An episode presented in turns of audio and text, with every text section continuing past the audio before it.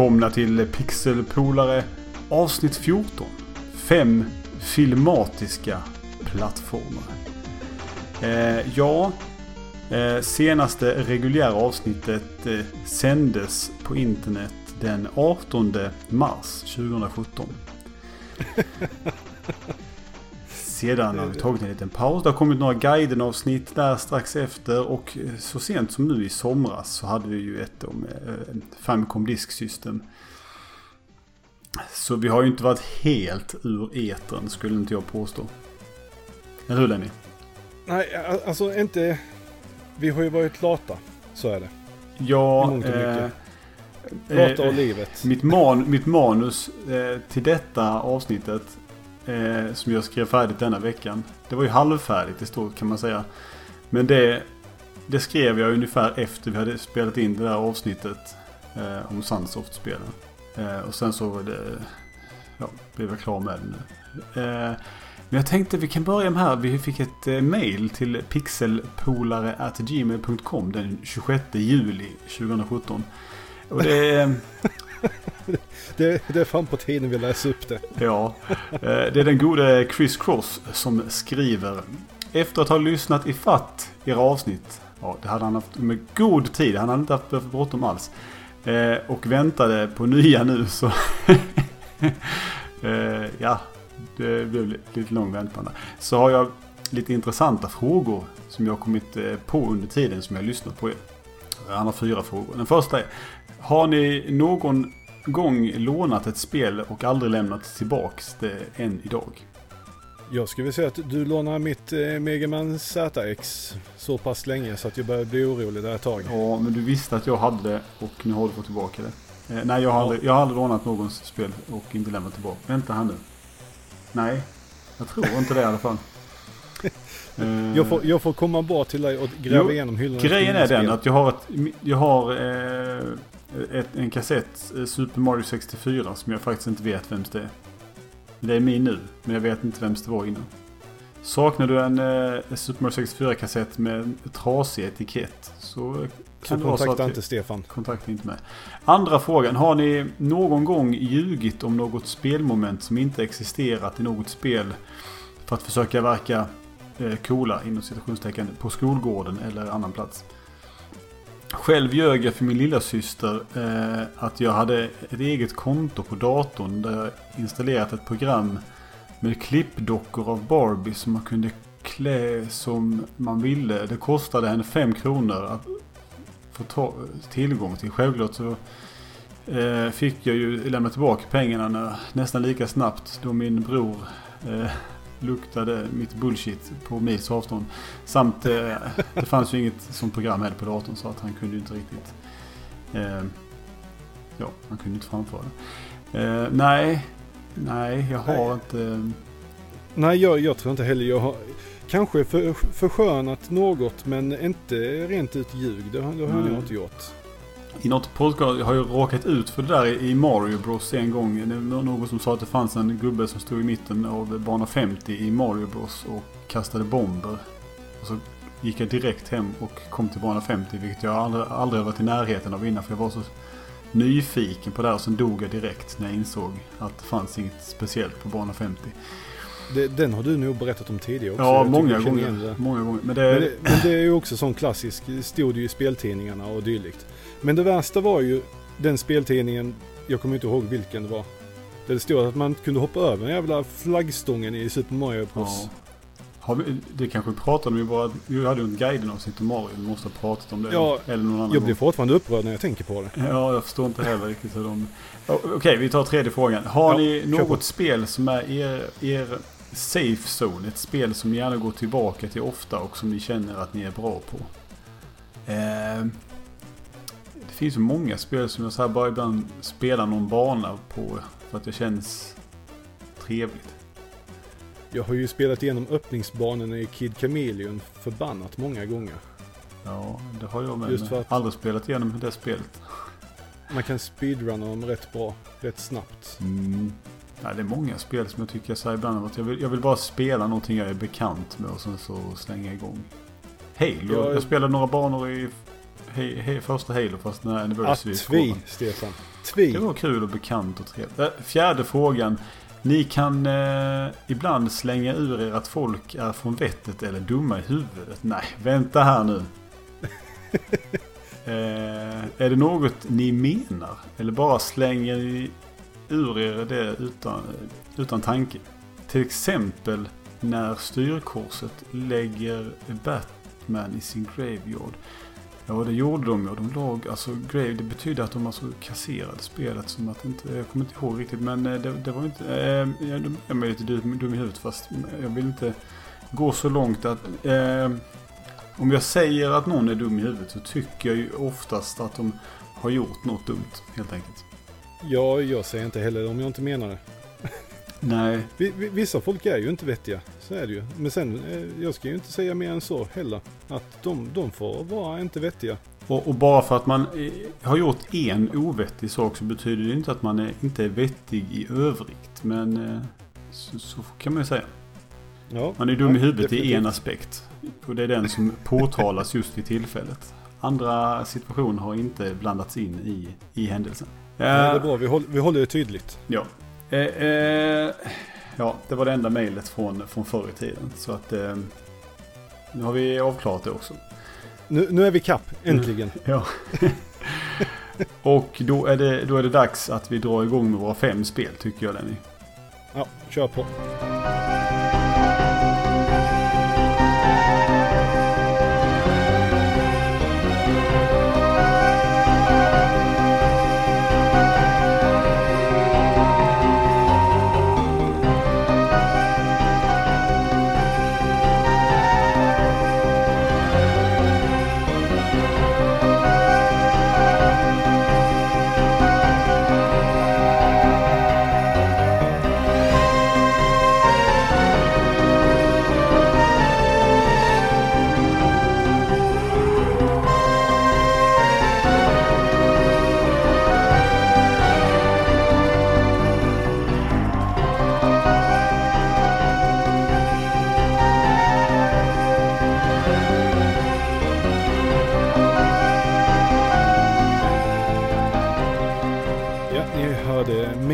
Från Prince of Persia, FM Towns-versionen. Det är alltså en CD-version av soundtracket. Det var ju CD-skivor till FM Towns. För övrigt samma soundtrack som till eh, PC Engine också. Mm -hmm. Mm -hmm. Och, och, det innebär ju att spelet vi ska snacka om är Prince of Persia. Ja, det stämmer. Eh, och det här spelet släpptes ju till Apple 2 1989. Det var Broderbund Software som eh, gav ut spelet. Eh, mm. Kan du tänka dig, jag har eh, letat fram lite historik om Prince of Persia. Hur det kom till. Vem, och vem hade kunnat ana? He helt fantastiskt. Eh, och eh, då tänkte jag väl så sakteliga ta mig igenom. Jag har, den här, just den här texten skrev jag för tre år sedan och har inte läst sedan dess. Så det här blir Vilka spännande. goda förutsättningar du ger dig själv. ja, jag tänkte jag skulle ge mig själv lite... ifall ja, jag skulle... rättar mig på plats här i soffan och mm. öppna upp vattenflaskan. Och, eh, så nu får du förgyll, förgyllda mina öron. Mm. Okej, okay. utvecklingen av Prince of Persia började 1985. För utvecklingen stod Jordan Mechner. Han eh, hade precis tagit examen från Yale University och påbörjade då sitt andra spel efter Karateka som han hade utvecklat under studietiden. Karateka som, jag vet inte riktigt om det uttalas karateka eller karateka.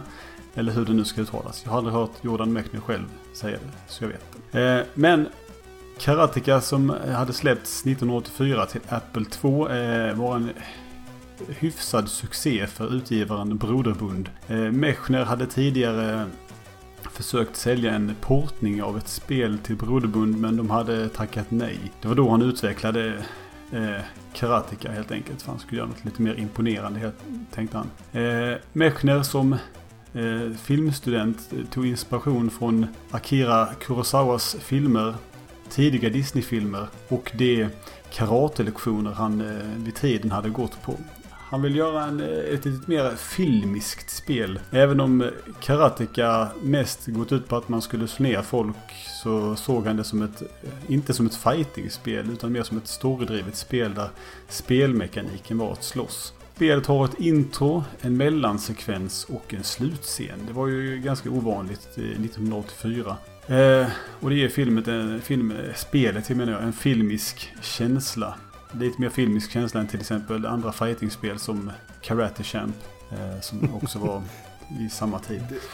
Data East om jag inte minns fel. Ja, det tror jag du har rätt i. Eh, Karatekas animationer gjordes med rotoscoping-teknik. Vilket då innebär att man ritar av verkliga personers rörelser som man har filmat. Och Mechner han filmade sin karateinstruktör. Han gjorde häftiga karatesparkar och sådär. Eh, detta bidrog till att Karateka var otroligt välanimerat för sin tid. Jämför man till exempel med Irems eh, arkadspel Kung Fu Master eller tidigare nämnda då eh, Karate Champ från, ja, Technos. Jag har till och med skrivit här. Som eh, båda släpptes 1984 också. Så är animationerna lite på en helt annan nivå kan man, kan man lätt säga. Eh, Apple 2 var en ganska begränsad dator när det kom till kapacitet 1984 och Mechner kunde inte få spelet att spela musik samtidigt som hans fina animationer spelades upp i åtta bilder per sekund. Och musiken som eh, hans pappa komponerade spelas därför bara upp mellan när karaktärerna står stilla. Så när man slagit ner en karaktär till exempel tror jag det är så så står han stilla lite och så blir det liksom lite musik och sen så flyttas bilden och sen så börjar det röra sig igen. Vilket jäkla kastformat Apple 2 var alltså. Efter succén med Karateka hade Mechner eh, kunnat betala av sina studielån och då eh, pengarna fortfarande rullade in hade han nu möjlighet att göra lite vad han själv ville. Eh, han var rädd för att han skulle fastna i videospel och han eh, gjorde ett spel till och därmed eh, att han skulle göra, hade med att komma till liksom att han ville göra film egentligen. Och skriva manus och sånt här. Så han var rädd att om han höll på att göra spel så skulle han fortsätta göra spel. Det första året efter skolan spenderade han med att eh, fundera på olika spelkoncept och eh, skriva manus. 1985 tog han till slut anställning på Broderbund som erbjudit honom jobb efter framgången med tidigare nämnda Karateka. Eh, även om Broderbund hade önskat sig en följare på Karateka så gav Mechner, eh, han gavs fria händer att göra precis vad han ville. Till det nya spelet drog han inspiration från olika filmer, berättelser. Eh, berättelsen och miljön togs delvis från The Thief of Bagdad från 1940. Spelets eh, berättelse förtäljer han dock främst genom vad som händer i spelet. Eh, inte genom några mellansekvenser då som i Karateka. Eh, och någon kort eh, mellansekvens.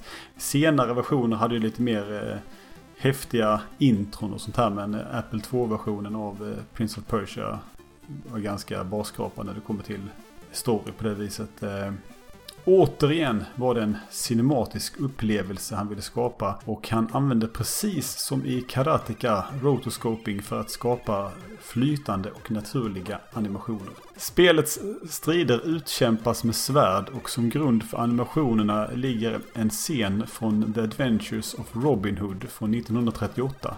Eh, Mechner hittade en scen där Aaron Flynn och Basil Rathbone som Robin Hood och Sir Guy of Gisborne ses från sidan i sin slutgiltiga fäktningsduell. Och Mechner han tog eh, två dussin bilder från filmen som han sedan försökte komma på att på bästa sätt eh, utvinna för att eh, göra upprepade stridsanimationer ifrån. Så just de fäktningsanimationerna där kommer från eh, eh, ja, The Adventures of Robin Hood, filmen från 1938. Han hade dock aldrig eh, tänkt ha med strid i spel. Eh, han tyckte det var, det var lite, han, han ville liksom ha det här klättrandet och sådär. Och sen så hade han en kompis som heter Tommy. Och när Tommy såg spelet så tyckte han att spelet var tråkigt. Och sa till honom, du måste ha med strid. Strid, strid, strid. Eh, och eh, efter två års eh, motsträvighet så gav eh, Mechner upp eh, till Tommys eh, nöje då och eh, han införde eh, svärdfighterna då som gjorde då att spelet faktiskt fick något lite mer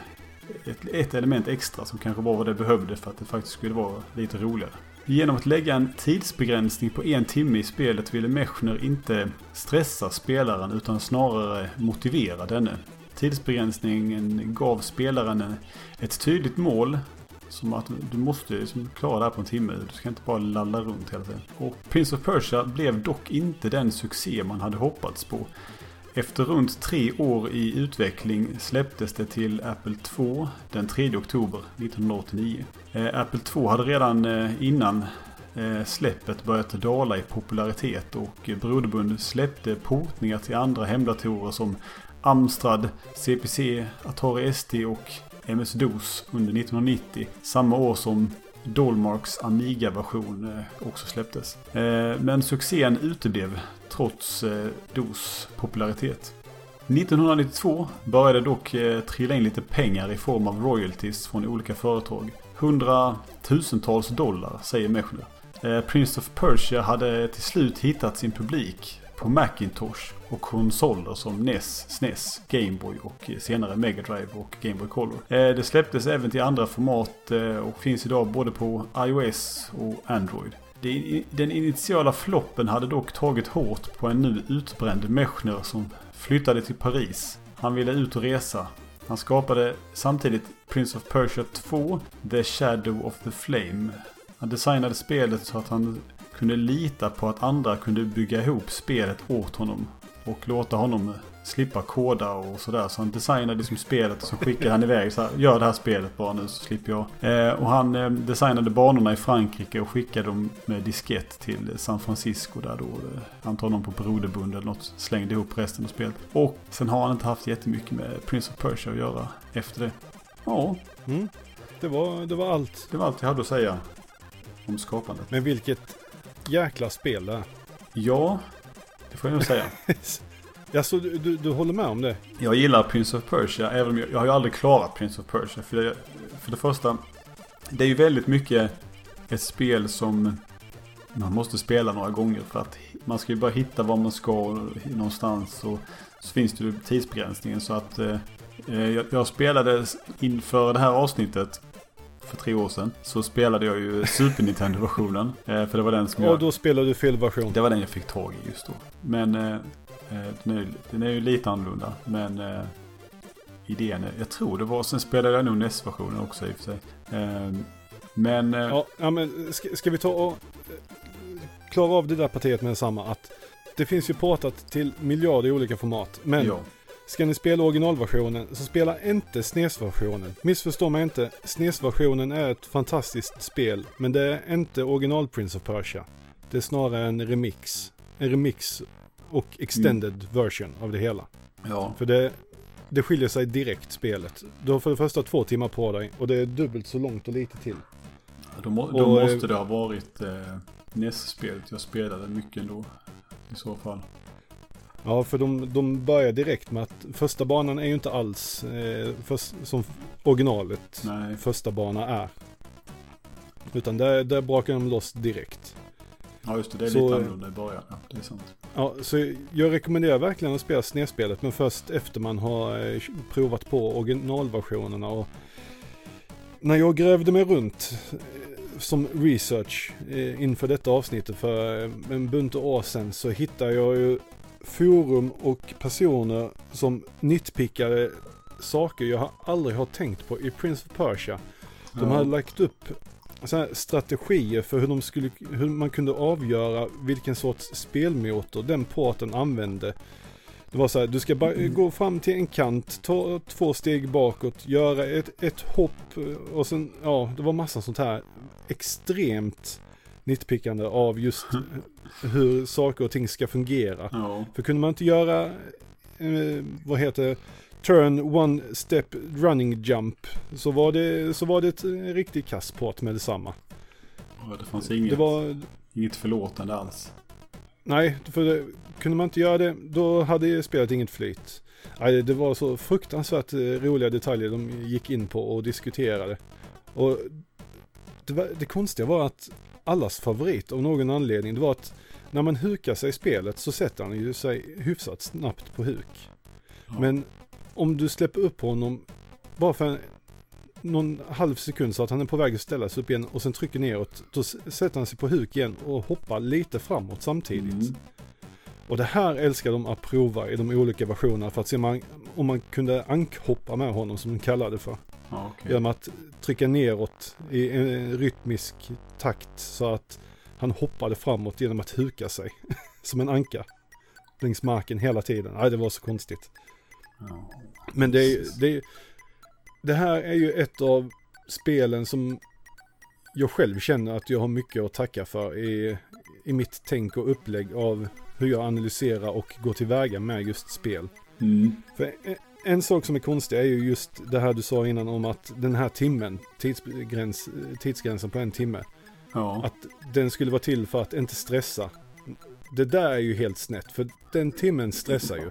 Ja, jag tycker ju också att, för, för man känner ju hela tiden, det är ju lite som, det påminner ju, det går, går tillbaka till liksom till eh, Pitfall på Atari 2600. Lite det här man, Åh, helvete nu måste jag liksom direkt, jag måste hitta allting och jag måste, eh, det, det är som det är. Du Man måste blir hela tiden trycka dig framåt, även om du inte känner att du har gjort den analysen som du behöver göra. Nej, för att som spelare så har ju du ingen aning om hur långt spelet är när du spelar det första gången. Så du vet ju inte Nej. hur, hur mycket tid, alltså, ja, hur mycket tid Det du har på enda- dig att kolla runt och... Och även om du kan spelet, har du hamnat efter och du klarar av en bana och du ser hur mycket tid du har kvar och du vet vilken bana du är på. Där, där kommer ju stressmomentet direkt. För har jag till med tid för att kunna klara av resterande banor? Eller kommer jag komma till slutet och stryka med när jag har kanske två minuter kvar att klara spelet men tiden i spelet är slut? Det, det är en fruktansvärd stress tycker jag, just det partiet. Men det är också det som gör att jag tycker det är fruktansvärt trevligt. Mm. För att du måste hela tiden trycka dig framåt. Du måste hela tiden li- ligga precis på rakbladskanten. Du måste hela tiden komma ihåg, lära dig, anpassa dig. Du, du kan inte ta några chanser när du spelar igenom, men ändå måste du spela som att du kan ta chanser i spelet. Ja, jag förstår precis hur du menar. Eh, jag vet ju inte riktigt hur långt jag har kommit i Prince of Persia egentligen heller, men... Eh, men det... Det, det, Alltså jag det är ju också fint för att det, det är ju inte bara springa och hoppa plattformar och sen någon enstaka fäktning. Utan det är ju lite mer intrikata pussel och saker som händer i spelet. Ja, det är som man, ibland trycks det på knappar och du måste liksom springa och eh, hoppa i rätt moment och hålla på. Alltså det är, man, i början, man, det är rätt lätt att dö i Prince of Persia. Eh, Det är det det är verkligen. inte så att det är snällt alla gånger. Men eh, nej, jag gillar alltså det, för det, det, det är ju ändå, kontrollen är väldigt, du vet precis vad det är som händer när du trycker. Alltså du har, det är inte så att du kan hoppa olika långt när du gör ett hopp. Utan du hoppar alltid samma längd. Det är inte är som ett Mario-spel där det är lite mer var, variabler. eh, Alltså lite mer och hur du styr. Så Mm, att, tr- har du hoppat så har du hoppat och du hoppar så långt. Så skylla dig själv om du Precis. tänkte att det var ett stup framför dig. Det gör ju att det känns lite stel men samtidigt så är det ju extremt konsekvent. Ja. Ska vi kanske prata lite just om hur man eh, kontrollerar sin karaktär i spelet så man förstår lite vad det är vi eh, pratar om. Mm. Men den karaktären man styr kan man gå med lugnt. Oftast genom att hålla inne en knapp i de olika versionerna. Då tar man ett steg framåt. Eller ett steg bakåt. Ja, det, ni, ni förstår hur det går. Men släpper man knappen och trycker åt något håll så springer karaktären direkt. Från stillaståendes, om man håller inne gå-knappen, så kan man göra ett språng framåt. Och det brukar vara så här en och en halv tile i spelet, brukar jag kalla det för. Något sånt. Springer man och hoppar så gör man ungefär dubbelt så långt hopp, alltså tre tiles. Och eh, man kan hoppa ta tag i kanter, man kan klättra ner för kanter, man kan hänga på kanter. Man kan huka sig, man kan hoppa upp och slå i tak också som är en liten rolig hemlighet. Du kan, Ja. eh, du kan dricka olika drycker i spelet du hittar som återställer ditt liv eller som utökar din livsmätare. Även förgiftar dig. Vilket inte är så jäkla trevligt. Nej, det är ju sällan det. Eh, har vi något mer i rörelseschemat? Ja, han kan ju slåss. Du kan slå och du kan parera. Ja. Det är ju, och svärdet har man ju inte heller från början. Det hittar man väl eh, tidigt i spelet. Men eh, Mm, man gör ju en klassisk eh, Metroid. Du får springa till vänster direkt i början. ja, just det. Och där hittar man Springer du till höger så stöter du på första fienden direkt. Ja. Vilket är rätt bra inc- incitament till att gå till vänster. Mm. För du kommer ju inte förbi honom om du inte har svärdet. Ja. Det, det, det är lite omöjligt att komma förbi där. ja. En rolig mekanik i spelet är just att hoppa och slå i tak. För då skallar takplattorna till om de är lösa. Och om man då slår till en av de lösa takplattorna så trillar jag ner och avslöjar oftast en hemlig väg. Eller en alternativ väg för att ta det framåt. Eller en fälla, att du skulle ha trillat ner där om du hade sprungit på plattan och du hade Ja, rasat ner. Ja, det, ett av mina favoritpartier i spelet är rätt tidigt. Jag tror att det är tredje banan. Där du, du har precis tagit dig upp eh, till den övre delen av skärmen genom ett eh, lite längre hoppparti. Sen trycker du på en knapp rätt tidigt och du hör en dörr öppnas. Eller börja, jo öppnas och sen så fort du lämnar knappen så hör du också hur dörren börjar stängas, eller porten kanske jag ska säga. ja. Och den här porten är, vad är det, tre eller fyra skärmar bort. Varav precis sista steget så måste man hoppa från en eh, plattform som hänger i luften. Så att så fort du springer på den så kommer den trilla ner. Men du måste ta det sista Mhm. steget precis på kanten på detta. För att kunna hoppa bort till Ja, porten. Där du hänger tag i kanten för att det finns ingen eh, plattform vid porten mer än bakom den. ja. Så du måste hinna dit bort och hoppa det här jättehoppet. Och Okej. precis ta dig upp och rulla igenom porten. Ska väldigt precis. Visst är det så att man, det, det finns inga liv eller så, utan det är bara att om du dör så har du slösat av din tid. Precis. Så man börjar om på senaste... Börjar man direkt? Man behöver inte i början av senaste banan. Eller finns det något checkpoint-system? Jag kommer inte ihåg riktigt. Eller så börjar man senaste dörren. Jag, jag tror att det skiljer lite från versionen till versionen. Ja, men är- de flesta börjar du direkt vid, vid dörren. Alltså du får egentligen köra om Mm, från början på den banan. ja. Men de är ju inte så långa banor, vilket är trevligt. Mm. Eh, du hade spelat eh, DOS-versionen. Nej, vilken sa du du hade spelat? NES. Och det SNES. NES. Jag hade NES. testat, vad heter det? Super Prince of Persia. Heter det så? Heter det säkert. Det, Det, det heter Men jag säkert. spelade nog NES-versionen mest för att eh, det kändes mer eh, korrekt. För det som, som du säger, det är lite annorlunda i... Är det inte så att... Fan var det med Super Nintendo-versionen? Men det var lite... Det var ju det här att i originalversionen så är ju liksom... Varje rum är ju liksom en på en skärm. Men i någon version jag spelade så var det att det scrollade lite för att hela... Allt fick inte plats. NES-versionen. NES-versionen. Jag, tror- jag har för mig att det är så i NES-versionen. Ja, då är det den jag spelat mest. Eh, för det får inte, den fick inte plats med all grafik liksom.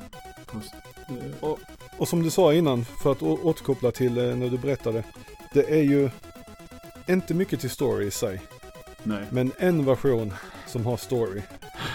Du vet vad jag fiskar efter. Ja. Det är Mega CD-versionen och här får ni lyssna på det absolut underbara introt. Varsågoda.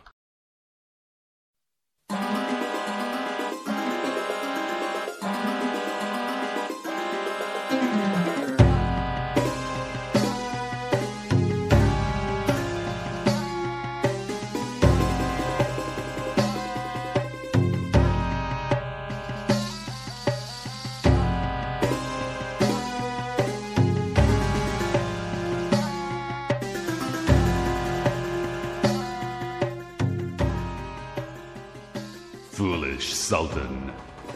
You think you can return to Persia. But you're wrong. You no longer rule here. Soon the princess and all of Persia will be mine. I will be Sultan. I am invincible.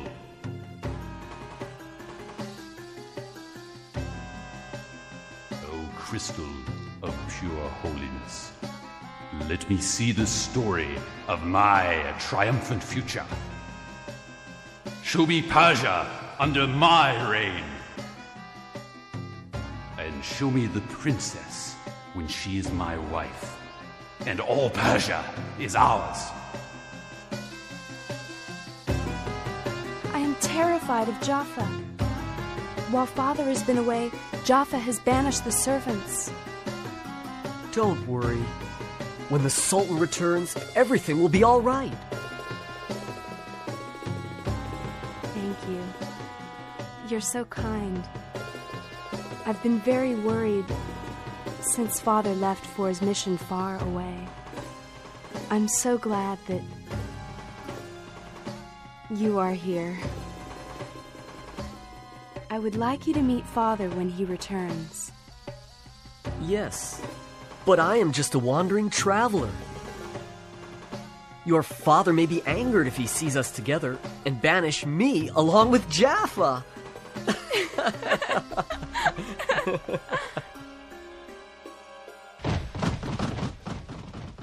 Princess, please return to your quarters at once. What do you want? Stop it! Leave me alone! Princess!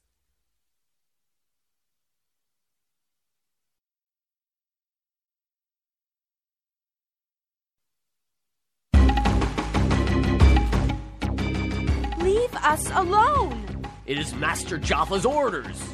What? We must arrest him. Him? He didn't do anything wrong. Master Jaffa will explain later. Please return to your private quarters. He didn't do anything wrong. Stop it! Let him go! Princess!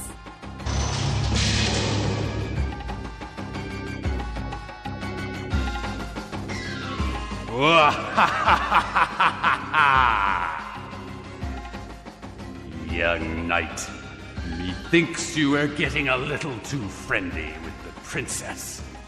And to reach my goals, I must get you out of the way. Sweet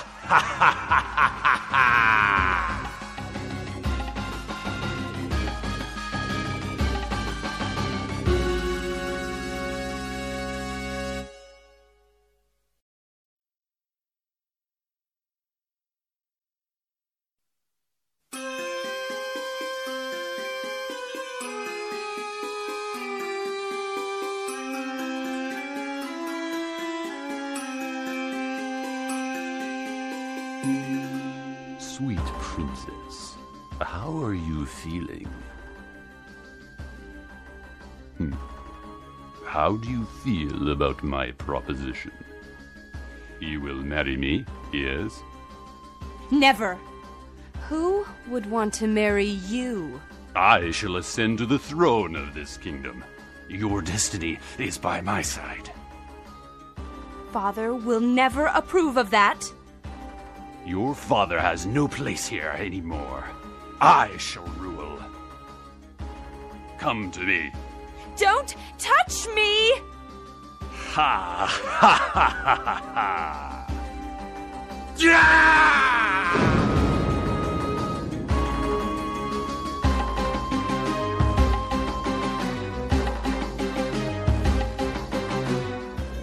Very well then, princess. I shall give you some time to make up your mind. Either you marry me, or when the last grain of sand slips through this hourglass, your time is up.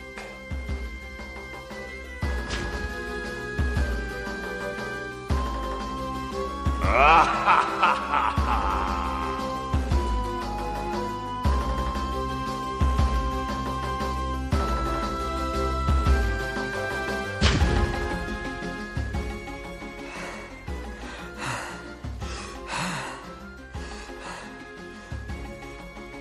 Jaffa, I will never forgive you for this.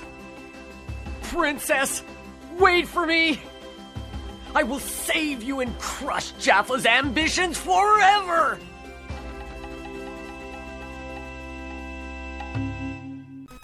Ja, gott folk. Det där, det är det bästa ni har hört sen eh, introt, eller snacksekvensen mellan Richter och eh, Dracula i Symphony of the Night. Ja.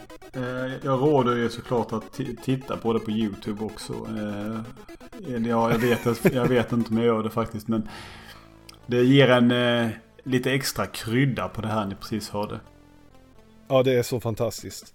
I varje fall, jag rekommenderar att man kör eh, DOS-versionen. Den är enkel att få tag på, enkel att få igång i dagsläget. Mhm. Och eh, om man ska köra en, en alternativ version av originalet så rekommenderar jag faktiskt remaken som kom till PS3 och 360 från Ubisoft Mhm. i samband med att de tog över serien. Ja, just det. Eh, jag kommer inte ihåg om den heter någonting särskilt. Det är väl kanske Prince of Persia Remake. Men där har de ju ett helt annat flyt och även om jag inte är 100% överens med alla ändringar de har gjort så är det fortfarande en trevlig version av spelet som håller det mer eller mindre Mm. hyfsat cleant. Ja, och, och, Ubisoft har gjort lite tredimensionella Prince of Persia-spel också. Och visst är det så att Assassin's Creed började som någon form av eh, Prince of Persia-projekt som de dö, döpte om sen. Eh, som jag har förstått det. Eh, Det är ju så fruktansvärt mycket som har kommit från första 3D Prince of Persia, eller Ubisofts eh, 3D Prince of Persia ska jag säga, för det kom ju faktiskt ett Prince of Persia 3D innan dess. mm. Som jag också tycker är väldigt trevligt, men eh, det, det är en helt annan femma. Ja, det, du har fått se en stor spridning i både hur strider utspelas och tänk på det till exempel alla Batman Arkham-spelen, de har ju egentligen exakt samma stridssystem som Prince of Persia. Ja, nu när du säger det. Om, om du kommer ihåg det. Det är, det är så fruktansvärt många spel som har tagit det stridssystemet och kört en variant, utvecklat det lite givetvis. Mm. Men i grund och botten så är det ju helt klart en, eh, en nästan rak kopia av det. Okej. Jaha, jo. Ja, nej, vad säger du? Ska vi gå vidare till nästa spel? Ja, vi har ju en liten kommentar om spelet från vår Ja, kära vän Thomas Edman. eh, Tom, Thomas Edman han skriver en spelgenre som jag nog vill gilla mer än jag gör. Prince of Persia spelade jag och en kompis en del på hans pappas mack. Så jäkla svårt och förvirrande. Tror vi lyckas ta oss till andra banan som längst. Ja. Jag måste säga en sak om Thomas för att från början var det tänkt att jag skulle ha med spelet eh, Heart of Darkness i det här avsnittet istället för eh, det sista spelet. Eh, och jag köpte det till, till Playstation och sen så spelade vi det på något eh, VS-kalas. Och jag tyckte det var så vansinnigt jävla tråkigt. Thomas däremot, han satt där och körde igenom hela jävla skitspelet. Eh, mm, ja, helvete. nej, ja, det var inte kul alls. Snyggt, välanimerat, tråkigt.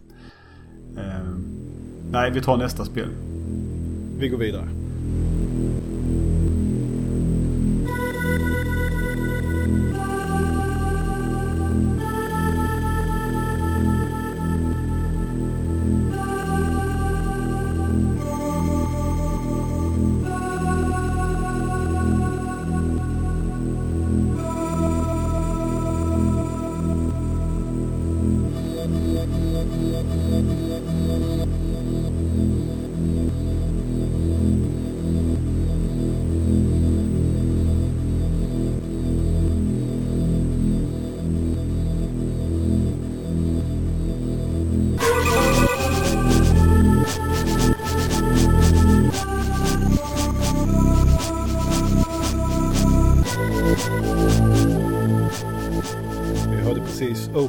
Från Another World, Amiga-versionen. Det hörde ni såklart på alla samplingarna i låten.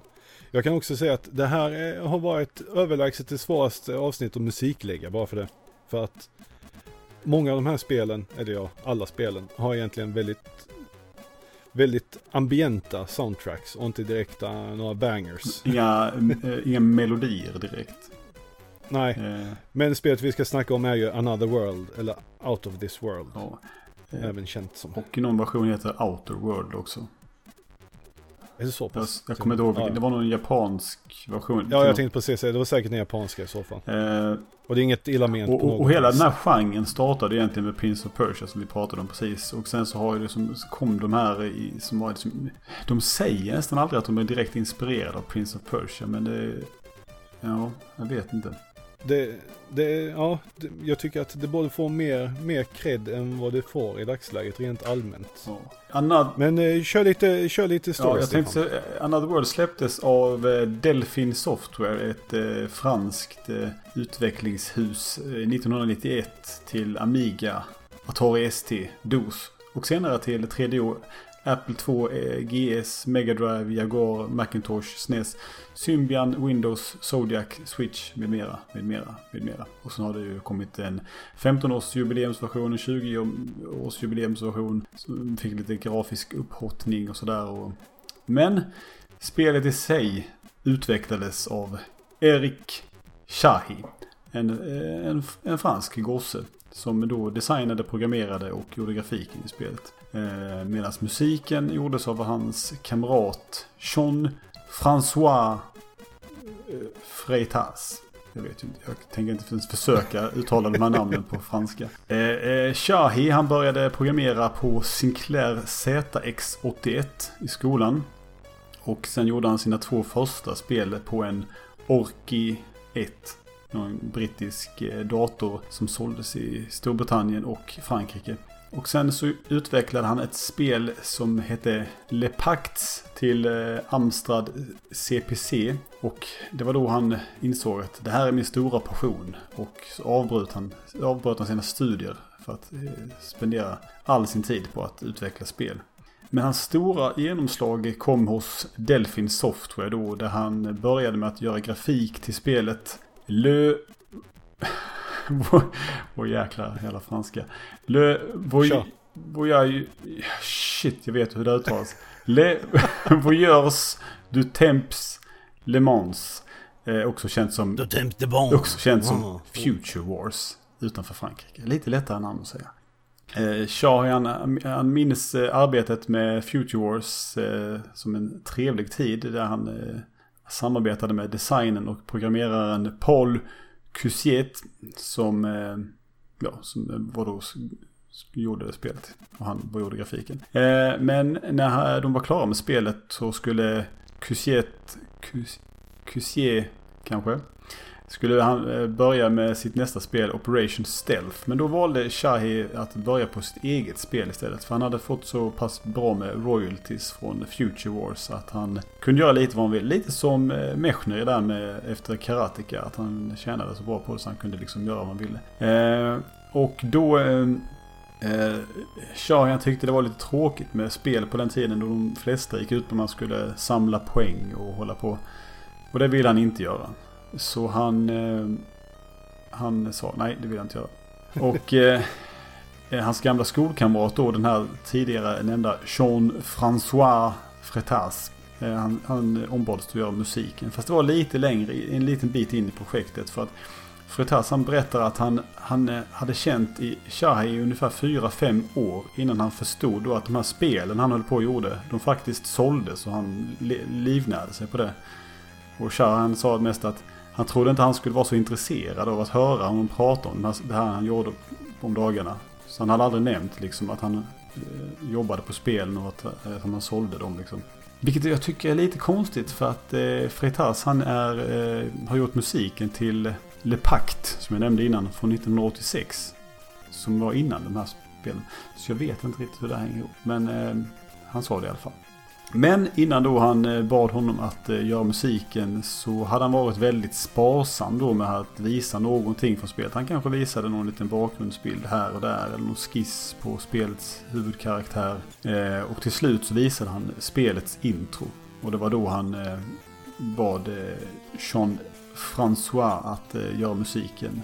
Och han, han beskrev det som att han ville inte han ville inte visa någonting förrän det var färdigt. Han ville inte att någon skulle spela någonting halvfärdigt och sen de skulle liksom bli överraskade när de såg det färdigt direkt. Och eh, då bad han Freitas att han skulle tänka lite på musiken i filmen Back to the Future när han eh, skulle ha, göra musiken. Det skulle vara liksom lite framtidigt och eh, de använde musiktermer som jag inte stod med på så jag har inte med mig någonting av det här. Och eh, så tillsammans så spelade de in lite ljudeffekter till spelet och de använde lite, lite som när man spelar in så här ljudeffekter till film. Att man använder lite vardagsföremål. Att eh, när Lester, spelets huvudkaraktär, skulle spetsats, spetsats på en tagg så slängde man lite tomater och tvättsvampar i marken och hoppade att det skulle splasha och sådär. De elektriska hissarna som eh, finns i spelet, det är ljudet av deras punktmatrisskrivare när den eh, skriver ut saker. Eller vad det var. Nej, klassiskt. Och eh, Sharian tror lite att hans ensamhet eh, som, som spelarkaraktären Lester upplever eh, delvis kommer från han själv. Att han omedvetet liksom, att han själv satt där ensam och gjorde det här spelet hela tiden. Och så kom den här ensamheten, gick in i spelet också. Att det skulle bli liksom en ensam, han skulle vara ensam på den här utomjordiska världen. Och det var även Shai själv som spelade in de här utomjordiska karaktärernas eh, språk. Och det, det, det, finns liksom inget att, att det betyder någonting utan det är mer att det skulle låta som att någon hade något att säga. Det ska liksom låta som att det finns en avsikt bakom det som sades men inte att det faktiskt betyder något speciellt. Och under utvecklingen av spelet så såg eh, Fritas och eh, Shais andra vänner då sällan till honom under de två långa åren han utvecklade spelet ensam. Det var eh, väldigt sällan de såg till honom. Han satt hemma kväll och dag och natt och eh, utvecklade det här spelet. Shahi skapade spelets grafik helt på egen hand som sagt eh, och han eh, har även målat den ikoniska omslagsbilden själv. Något han tydligen också ville göra till Future Wars men det fick han inte göra. Så nu var han väldigt glad att han kunde få göra det till, till sitt eget, eget passionsspel. Eh, spelet utvecklades också för att ha så lite user interface som möjligt. Det skulle liksom eh, inte behövas några mätare och energimätare och allt möjligt. Eh, vilket skulle då bidra till den eh, mer stämningsfulla atmosfären. För att kunna ha med alla animationer som han ville ha med i spelet. Eh, spelet utvecklades till Amiga förresten i grunden. Eh, så ville Shaw, han kom på att eh, det var bäst att göra dem i polygoner. Och polygoner var ju inte jättevanligt på den här tiden. Att man hade det i spel. Och det fanns inga program på Amigan vid den tiden som man kunde använda då för att skapa polygonbaserad grafik. Så han fick helt enkelt koda ett eget program som eh, han kunde manipulera och animera eh, polygonerna i. Eh, och han använde delvis rotoscoping då eh, för att eh, han säger också att han kände inte till att Prince of Persia hade gjorts med rotoscoping. Men eh, han visste knappt vad rotoscoping var. Men han eh, gjorde då lite olika modeller. Han hade intro till exempel, kom det en bil körande så då tog han bara en bil och så, så körde han lite häftigt på den på en videosekvens. Och sen så fick han liksom eh, rita av det från videofilmen helt enkelt. Eh. Det, det finns ju faktiskt eh, klipp på YouTube. De satt ihop uh, hans uh, inspelningar ja, med uh, introt. Ja, så ta och kolla han har ju släppt uh, ut alla de här videorna. Han har ju kvar de här pistolen som han har gjort i kartong och sådär. Och det är fruktansvärt snyggt animerat i de här i introsekvensen. Och det här när han plockar upp pistolen första gången och det där. För sin tid. Och jag kommer ihåg hur jag alltid tyckte det var så jävla snyggt. Jag förstod liksom inte hur det var gjort. Hur man kunde göra så i ett spel. Eh, Nej, har du, har du mer story att tillägga? Ja, lite. Annars så vill jag också in, in på eh, introt. Ja, vi kan prata introt strax. Eh, och, gen, ja, och genom att då eh, Eh, att han inte programmerade spelet i assembly-kod som man ofta gjorde för att eh, utnyttja maskinerna fullt ut. Han ju använde sin egen editor och sådär. Så, så slapp han att eh, kompilera spelet varje gång han skulle testa det. Så han kunde testa det nästan direkt varje gång han gjort en liten ändring. Så kunde han köra igång spelet direkt ifrån sin kod liksom. Och det gjorde ju såklart att det gick lite snabbare att utveckla spelet än att man hela tiden måste hålla på. Ja, nu har jag gjort den här ändringen, ska vi se hur det blir och så måste vi kompilera hela koden och hålla på. Och eh, ja, bakom allt då, då den här viljan att eh, skapa något riktigt cinematiskt. Eh, vilket resulterade i ett spel som även om det i grunden är mycket baserat på Prince of Persia också är långt mycket mer en berättelse eh, som förtäljs. Alltså det är mer ett förlopp det är, liksom, det, det, det är en historia. Prince of Persia är ju liksom mer bara prinsen hoppar och klättrar. Och sen så räddar han väl prinsessan i slutet. Men det är liksom ingen, det händer ju ingenting under tiden som det gör i, i, i Another World. Och vid något tillfälle under utvecklingen så visade han eh, spelet för Virgin France. Där någon producent tyckte att ah, det här var lite svårt. Du kanske ska göra ett peka-klicka-spel av det istället. För det var ju egentligen vad, det var ju lite vad, eh, vad heter de, eh, Delphin Software hade hållit på med innan. Så han tyckte väl att, det... ah, ni kan väl hålla er till det ni brukar hålla på med. Eh, ja, det var allt om utvecklingen av spelet. Så introt Lenny. Okay. Introt. Introt. Introt av intron. Vilket intro det är. Ja. Vilket fantastiskt jävla intro det är. När det, när det här kom, vad var det? 91? Var det så pass? N när kom spelet? Var, 91? 90... 90? Får jag scrolla upp här. 91. Ja, 91. 91? Ja. När det kom och jag såg det på Amiga första gången. Det var helt sanslöst. Just det här med den eh, forsk, forskningsstället och bilen som kommer, Ferrarin, Ferrarin var nära, som kommer att sladda in när åskan sprider sig på himlen, åskan och blixten. Och eh, man ser Lester kliva ur bilen och ta sig in i labbet. Aj, det är helt... Precis som du säger också, man, man satt där och tänkte hur i helsike gjorde de det här på den tiden? Ja, nu i efterhand vet man ju att eh, allting gick mycket enklare tack vare polygoner. och kunde köra enkla matematiska beräkningar. Eller ja, enkla är det ju inte men ni förstår vad jag menar. för, för, för, Men att, att han hade det sinneslaget att få ihop den filmkänslan också det hela. På allting. Ja, för det är inte bara det att, att, att det är polygoner utan att, att, att det är ju liksom jättebra animerat. Alltså, jag, jag tittade på den där se- sekvensen när han plockade upp pistolen igår. Alltså det här hur hela, hur fingrarna, alltså att han har ju, han har ju verkligen, han har, har ju suttit och rört de här polygonerna i minsta lilla liksom millimeter och det ska vara liksom, så det ser liksom det ser ju häftigare ut, alltså det ser mer realistiskt ut nästan i, i spelet än hans egna videoinspelning. Man, kan man, Mm. det, det, det, det är liksom svårt att förklara, men det är väldigt...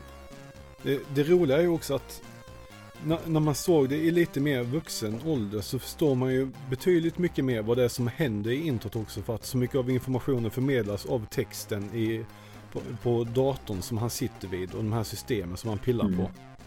För det, det är ju trots allt en partikelaccelerator som han sitter och mixtrar med eller kör tester med. Ja, Som, ja det förstår ju inte jag. blixten slår ner i.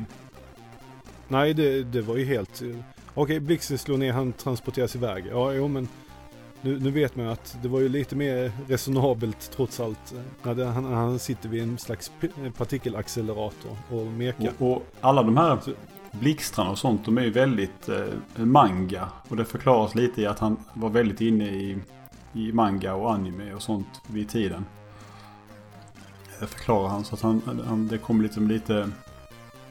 Han tror att till, till, till exempel att pistolen, den här uppladdningen, det, det är lite kamehameha i den. Eh, En så, aning. så beskrev han det själv, att det, det har nog en viss inspiration därifrån.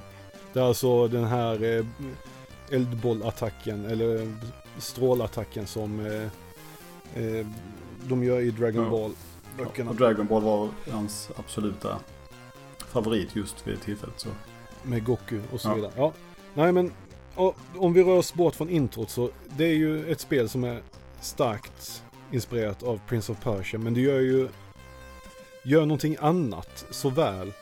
För precis som Prince of Persia ett av mina absoluta favoritspel någonsin så är också Another World fruktansvärt bra spel som har influerat mitt tänk också mycket. För där Prince of Persia var ett mer fast system så vet du inte alls hur systemen funkar överhuvudtaget i Another World. Och det är väl lite därför jag eh, har lite problem med Another World. För att jag blir så stressad av att jag inte riktigt vet vad som händer näst. För att jag måste liksom testa mig fram. Jag vet hur jag hoppar, jag Det vet hur jag skjuter och allt det här. Men, men beroende på situation så använder man liksom alla sina verktyg olika. Det är ett trail and error-spel deluxe. Det, det, det är helt klart så. Och det, det är också vad som gör det så kul för att ingen situation är egentligen det andra lik i spelet. Allting ändras, alla förutsättningar ändras, miljöerna ändras på så pass vida sätt. Mm. Som om vi drar hela den ikoniska början så först när man har från introt när man teleporterats iväg så spanar man ju mer eller mindre. Man uppenbaras under vattnet i en bassäng och man måste snabbt som fan simma, simma uppåt för att komma undan Sittandes vid sitt skrivbord först och främst också. Ja, ja. Så, så måste man simma uppåt för att ta sig ifrån något tentakelmonster som annars står ner och har ihjäl en. Och när man väl har tagit sig upp så börjar man utforska. Och det finns Men om man inte börjar röra på sig snabbt så kommer en tentakel upp och drar ner i vattnet. Så man Ja, då... just det. Ja.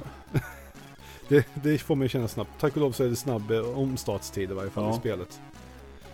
Det är sant. Men sen i, när du väl börjar utforska så kommer du till ett parti med ett tak. Och där kryper det maskar och när du kommer i närheten av maskan så börjar de trilla ner. Och går du i närheten av dem utan att sparka ihjäl dem så kommer de att döda dig för att de är giftiga och har någon eh, sån här huggtand på sig de förgiftar Ja. med. Men i varje fall, när du väl har tagit förbi dem så kommer du till ett parti där du stöter på ett monster av något slag. Mm. Jag, jag kallar det bara för lejonet när jag var yngre. Shahi han beskrev det som att han, han ville att den skulle vara lite formlös. Att den skulle bara vara en svart massa som man skulle lite tyda in själv vad man, vad man ville i den. Mm. Och, och det här lejonet börjar jaga dig. Och då, då får man ju börja springa åt andra hållet i, den här sekvensen. Och till slut kommer man till ett parti där man inte kunde göra något innan. Men nu när man är jagad av den här och hoppar ut. Då tar man tag i en lian och svingar sig tillbaks igen. Bara en sån sak att kontexten ändras utifrån Mm. Tidigare. När du inte var jagad kunde du inte göra någonting. Men när du blev jagad och kom till det partiet. Så helt plötsligt kan du svinga lianen. Och det, det är ju rätt elakt rent spelmekaniskt sett. Men det är också jäkligt kul när man väl upptäcker det. Just det partiet. Ja. Nej, det, det, det är så mycket jag gillar med spelet för att det är så, det känns verkligen som en helt annan värld i det grafiska, i upplägget. Och hur du blir vän med den här utomjordingen som du sitter i en bur med. Och ni hjälper Och varandra även om jag har väldigt svårt för Another World så, så kan jag inte låta bli att gilla det. För jag gi- gillade alltid det förr också. Men för det kändes ju... Även om det fanns Prince of Persia innan så var ju Another World något helt annat. Det var ju eh, nästan en... Alla, alla som jag kände visste ju vad Another World var för någonting. Alla som hade Amiga i alla fall. Ehm, och eh, för det var ju liksom en, det, det är som en Amiga-klassiker. Eh, Ja, som nej, aldrig det, kom så långt. det är definitivt en klassiker. Och det, det finns ju portat till jättemånga olika system också. Ja, och speciellt nu med de här eh, senaste anniversary-utgåvorna som finns på alla nya format. Och... Ja, precis. Och jag rekommenderar väl att man egentligen kör anniversary-utgåvorna. Du, du är ju inte så förtjust i när det är lite mer skarpa. Nej, men, Men grejen var, jag, jag, förmedlat- spelade det först eh, anniversary edition på eh, 3DS. Och på den här lite mindre skärmen, där det inte var så skarpt, så var det, kändes det bra. Men igår då när jag spelade det på, eh, på, på datorn, så blev de här eh, polygonerna, allting liksom det kändes som att man hade förlitat sig lite på sämre upplösning för att det skulle liksom smälta ihop lite. För när han, när den här pistolen han plockar upp, då ser du liksom att den här, vad heter det, fingerringen, den här som håller, som man eh, har vid avtryckaren, den, den liksom hängde lite löst i luften. Man såg liksom mellanrummen mellan den och pistolen. Det var liksom sånt som fick det att kännas lite, att det hängde liksom inte, det satt inte ihop alla grejerna. Mm. Ja, det, den, är, den är ju inte perfekt, men jag gillar ändå hur de har gjort med bakgrunderna i spelet. Jag tycker de är fantastiskt vackra i den Det versionen. är Shahi själv som har gjort har- har... anniversary-utgåvorna. Ja. Han har väl... Och, eftersom han är, han, och det känns lite som att de här, han har ju, de här nya bakgrunderna, de är ju lite mer målade, känns det som. Lite han, Mm. som han gjorde med omslaget där då, som han var så stolt över. Och jag kan också rekommendera att eh, en eh, YouTuber, eh, Retrocore, han brukar ju köra jämförelser av spel och han har bland annat gjort en jämförelse av eh, de olika versionerna av Mhm. detta. eh, Av Another World. Så det kan man titta på om man vill se de olika versionerna sida vid sida och för och nackdelar med eh, de flesta. Sen eh, ett, ett eh, omnämnande som förtjänar att lyftas fram, det är 3DO-versionen som jag verkligen inte gillar. Jag, jag tvingade Gas att titta lite på hur den såg ut och han sa ja men det ser väl okej ut. Jag antar att den eh, hur inte... tittade jag du? antar att den är jobbig och att den inte kontrolleras så bra. Att det inte är så bra.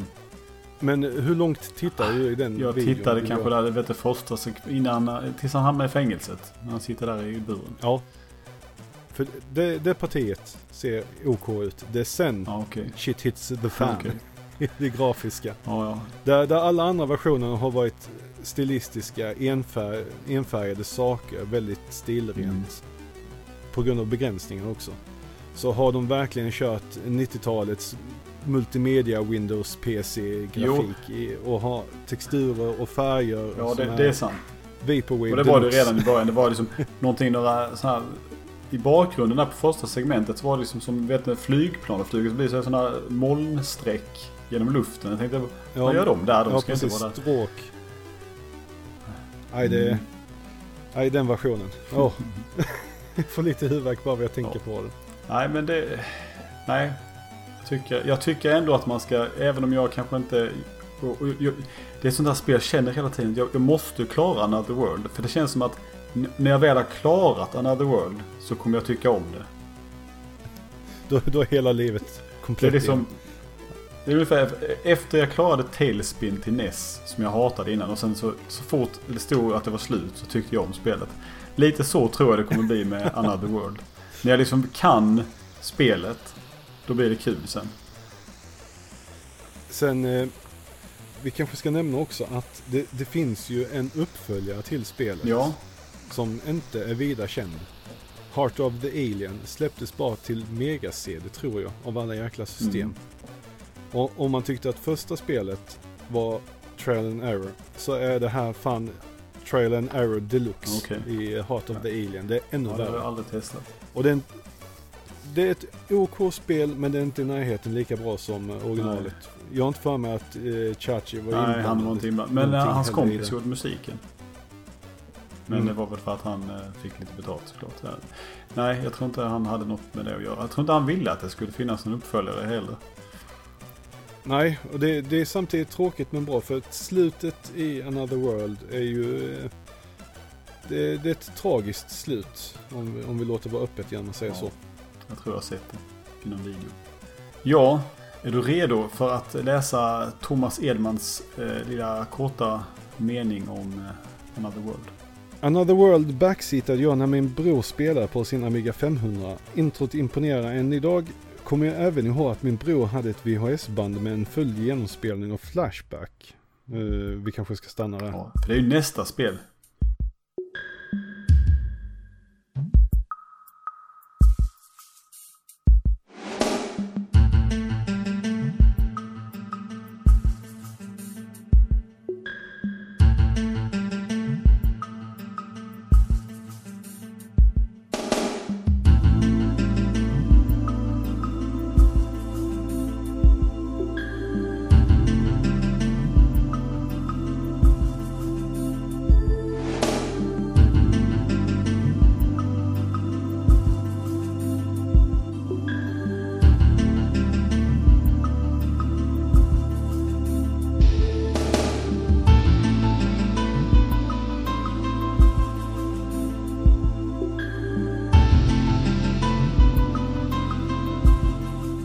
Det var en fruktansvärt kickass version av eh, Flashback Main Theme. Där alltså eh, versionen från 3DO och eh, CD-DOS-versionen bland annat. Som ni hörde. Eh, riktigt så här tidig 90-tals. Eh, lite synt, ambient, Vangelis-aktigt. Ja, Mhm. Ja. så Stefan. Eh, Flashback. Flashback, The Quest for Identity, släpptes av Delphin Software 1992 till Mega Drive, Amiga och DOS först och främst och senare till 3DO, Acorn 32-bit, CDI, Dreamcast, FM Towns, iPhone, Jaguar, Macintosh, PC 98, Sega CD och Super Nintendo. Ja, det var Delphin Software här som eh, året efter Another World så var det en, eh, den tidigare nämnda Paul Cousier som eh, hade gjort bland annat då eh, tidigare hade han gjort eh, Future Wars, Adventures in Time från 1989, Cruise for a Corpse 1991. Det var jag. så han har gjort eh, peka-klicka-spel och nu så, så ehm, som vi strax vet ska de göra lite konsolspel. Så kan vi ta lite, vad gjorde han efter Flashback? Jo, Chuck Fu 1994. Fade to Black, Ja. eh, uppföljaren till Flashback eh, till Playstation 1995. Och sen eh, Motor Racer 1998. Eh, Chuck Fu, ja. Eh, jo, jag, eh, jag har faktiskt jag skrev till eh, Paul på LinkedIn för ett tag sedan bara för att jag skulle fråga om Shack Attack hade varit en tidigare utvecklingstitel till Chuck Fu. Det var allt jag ville fråga honom och han kommer inte ihåg så. Ja, vad trist. Jag frågade honom ingenting om Flashback för det finns tusen intervjuer med honom om Flashback. Så eh, jag behövde inte fråga honom så mycket om det, tänkte jag. Men! Nu går vi till utvecklingen av Flashback. US Gold ville att Delphin skulle göra ett spel baserat på filmen Gudfadern. Eh, som US Gold hade licens till då. Och eh, samtidigt tyckte man också att Delphin skulle börja titta på Mega Drive. Här har ni en ny fräsig konsol sa de. Och de tänkte okej vi har ett peka-klicka-spel nu får vi börja göra något lite mer actionbaserat här då antar jag. Och de, men Delphin de ville belägga det här spelet i framtiden. Något som eh, eh, var populärt i, i, där under 90-talet, i början av 90-talet. Och eh, US Gold gick med på att de skulle göra ett Gudfadern-spel som utspelade sig i framtiden.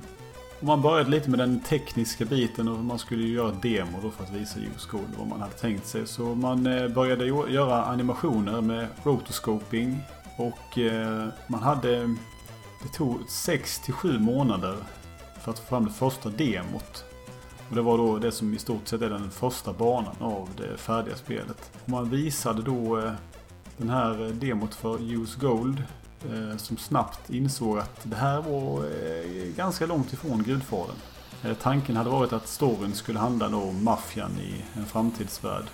Men eh, det var lite svårt att sälja in det, att det skulle hänga ihop med Gudfadern på något vis. Så US Gold sa nej tack, eh, det blir inget eh, Gudfadern-spel här. Men ni kan gärna göra ett nytt IP av det här istället om ni vill. Så publicerar vi det istället. Eh, Och det var ju schysst av. Det var vettigt. Så, så, så sker det sällan nu för tiden. Om inte vill ha ett spel. Då lägger man ner det. Och, eh, det var ett svårt projekt eh, har eh, Cousier sagt. Spelet krävde att liksom många animationsrutor och megadriven hade ett begränsat minne. Så man var liksom tvungen att först utveckla olika metoder för att komprimera animationsdatan. Så den skulle få plats på kassetten. Men sen även då kod för att den skulle dekomprimeras i realtid medan spelet körde. Eh, och lite för att man eh, skulle få plats med lite mer grejer så ville man använda en 24 megabits kassett.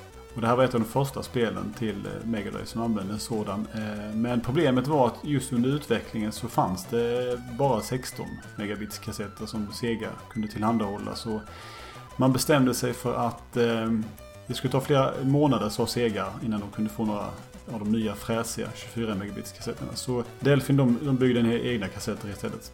Eh, och de eh, misstänkte att Sega var lite imponerade när de kom med ett demo av ett eh, 24 megabits spel innan någon annan hade gjort det. Men de ville behålla lite av den här äventyrsdelen från sina gamla peka-klicka-spel. Så man lade till lite mellansekvenser och det finns ju lite uppdrag och så här och man kan prata med karaktärer och så. Lite som ett peka-klicka-spel fast med massa action istället.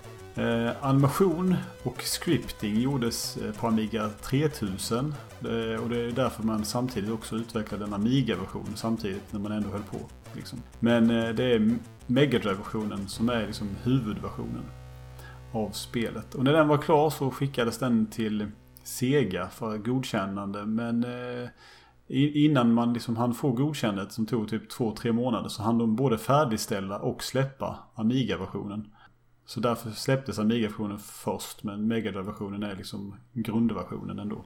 Eh, när man skulle filma de olika rörelserna till spelet så, så var det inte så att man hyrde in någon häftig kroppsskådespelare utan man, man sa till någon där i, man hittade kan du ställa dig framför kameran och hoppa lite eller någonting. Och så fick de göra det och så spelade man in det med en vanlig videobandskamera och sen satte man kassetten i en videokassettspelare och spelade upp på en TV. Sen pausade man bilden och sen tog man ett transparent plast, en transparent plastfilm över skärmen och sen ritade man konturerna runt personen. Och sen så tog man nästa bildruta och sen ritade man en, på ett nytt, en ny plastfilm. Eh, nästa rörelse och sen så gick man över till datorn och så la man plastfilmen på skärmen och sen i Deluxe Paint då så, så fyllde man i mellan de här utritade konturerna. Gubben. Pixlarna inne i... i, i. så det var inte så att man... En riktigt, en riktigt bra version av Rotoscope Ja. med ord. Jag tänkte liksom att... Och det låter liksom inte som att de... De, de pratar inte heller här. Vi tog... Och vi... Ja... eh, Han hade gjort Another World innan och Prince of Persia allt. Utan de bara... Ja, vi bara gjorde det här. Vi tänkte inte så mycket på vad de andra hade gjort tidigare. Eh, Och nu, nu klipper jag in en liten snabb, snabb historik av Deluxe Paint här. För det var ju ett väldigt eh, populärt Eh, ritprogram till Amiga och senare till, även till eh, DOS. Eh, och Deluxe Paint, eller D-Paint som det också kallades, släpptes i november 1985 och eh, skapades av Dan Silva för Electronic Arts. Och det här blev på 90-talet kanske ett, det mest använda pixelgrafik och animationsprogrammet till spel som användes av amerikanska och europeiska studios. Och det var egentligen bara Autodesk Animator Pro som var enda konkurrenten men det var knappt. Och eh, sista versionen av Deluxe Paint, alltså Deluxe Paint 5, den släpptes 1995. Tio år efter första. Jag har använt mycket Deluxe Paint på min Amiga. Ja, det blev aldrig jättebra kanske. Man kommer alltid ihåg den här eh, farao-bilden som användes i re- reklamen för Ja, Deluxe som hade Paint. scannat in en fräsebild så skulle man se där hur mycket färger Amigan klarade av och sådär. Och, och min sista Ja, ja. punkt här om eh, utvecklingen var att eh, en del av eh, kompromisserna som behövde göras eh, för att få den detaljerade grafiken i spelet var att eh, spelet inte kunde scrolla. Så att varje ruta står ju stilla när man eh, och sen går man ur bild och så dyker nästa skärm upp. Precis som i Prince of Persia.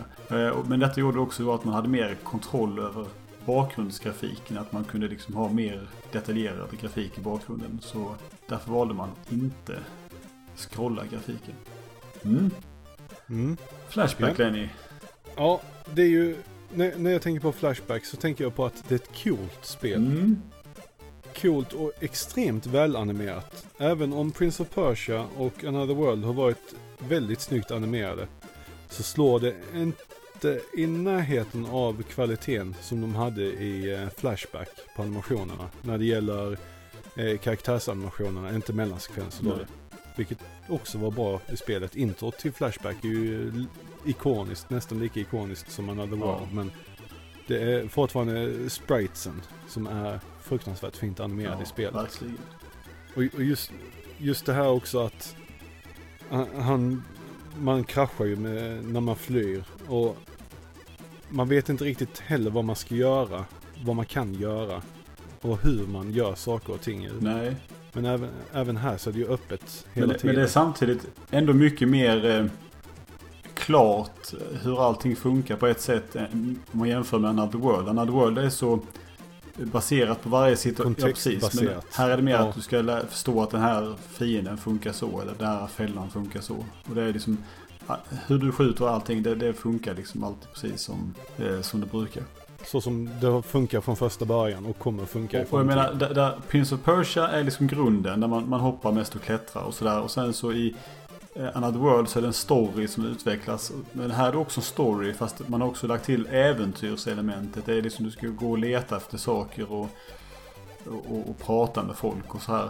Så det är liksom en ytterligare evolution av, av genren. Det, det är lite som kärleksbarnet mellan Prince of Persia och Another Ja. World. Det kan man verkligen säga. De, de, de har utforskandet, storyn. De har samtidigt bandesignen som är rätt strikt i spelet. Ja, jo det är det ju. Men den är också mer öppen. Ja, så nej, det, Alltså det är ju... Den är ju såklart, den är lite Ja, mer öppen som i, som i Prince of Persia. Fast den samtidigt också är det lite mer, eh, mer saker som händer än att du hoppar på en knapp och, en, en, en, en, och sådär.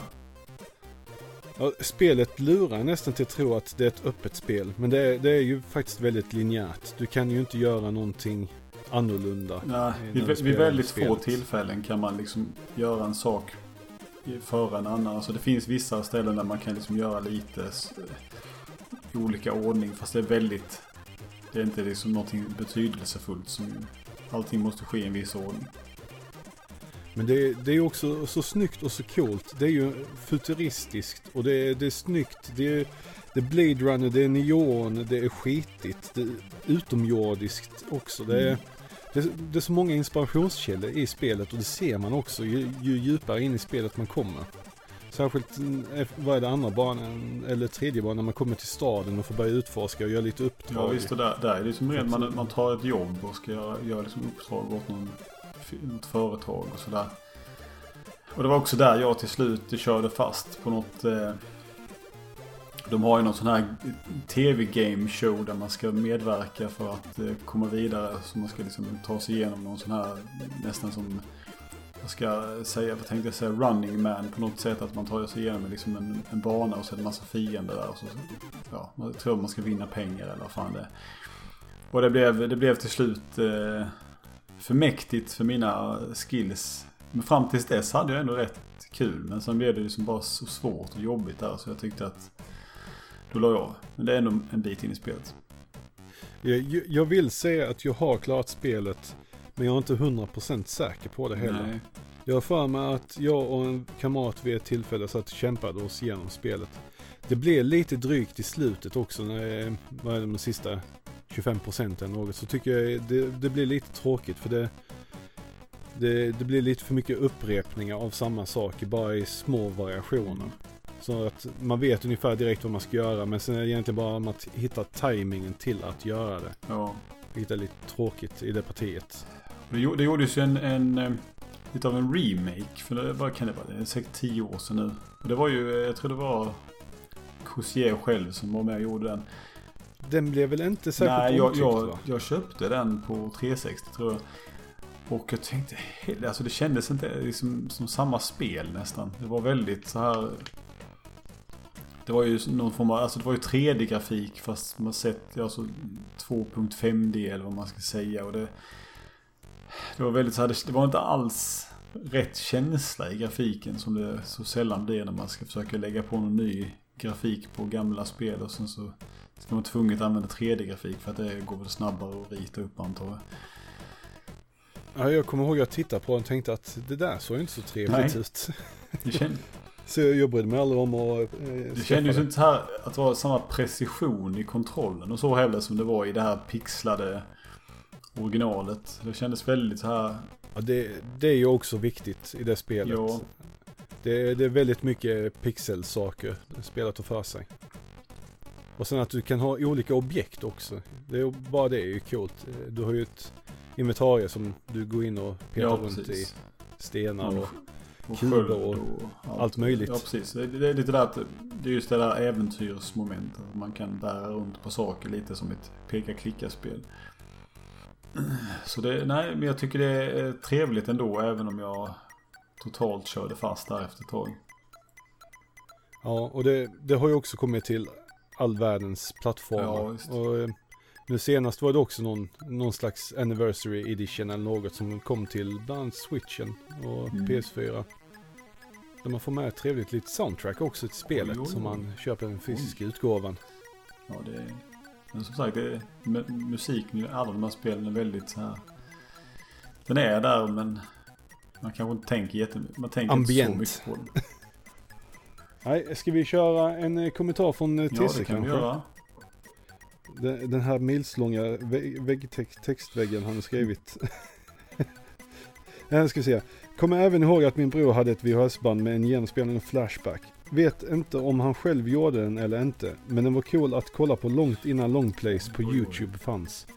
Flashback skaffade jag till min 486 men kunde inte spela på grund av något jäkla kopieringsskydd, men kunde i varje fall se det grymma intro. Några år senare lyckades jag hitta en krackad version och lyckades ta mig ur djungeln, men sen tog det stopp när man skulle börja åka iväg på uppdrag. Ja, det, Mm.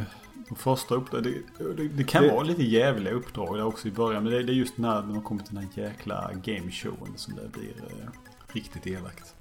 Det, det är många som slutar spela därför att de vet inte riktigt vad man ska göra. Men man får prova och försöka och mixa Ja, lite helt ja, enkelt. det är lite förvirrande för man ska ju åka runt i den här jävla tunnelbanetåget till olika stationer och prata med olika personer och hålla på. Så det är lite sådär åka fram och tillbaka. Jag förstår, jag, jag, jag, jag höll ut för att jag ville liksom se lite mer av spelet än vad jag hade gjort förr i tiden. Vilket var, jag hade ju aldrig tagit mig förbi djungeldelen alls innan. Jag kan tänka mig mycket du gnisslar tänderna när du åkte i tåget fram och tillbaka där några gånger. Ja, men jag tycker om det här ljudet. När man stiger Dina på så låter var liksom... vita. Så, sen åker den iväg direkt. Det är bra i alla fall. Man står inte och väntar på att någon annan ska komma. Tåget har gått.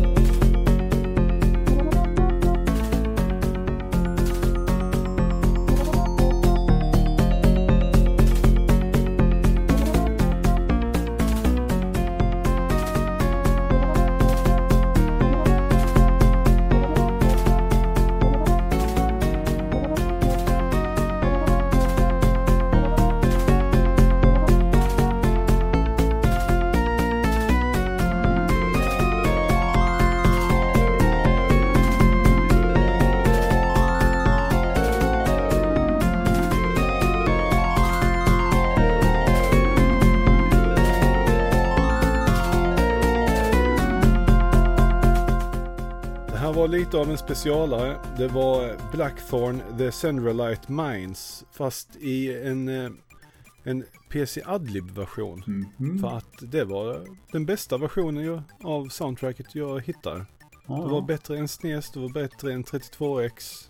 Det var eh, rätt överlägset mycket bättre också ärligt talat. Så, ja. Mm. Okej.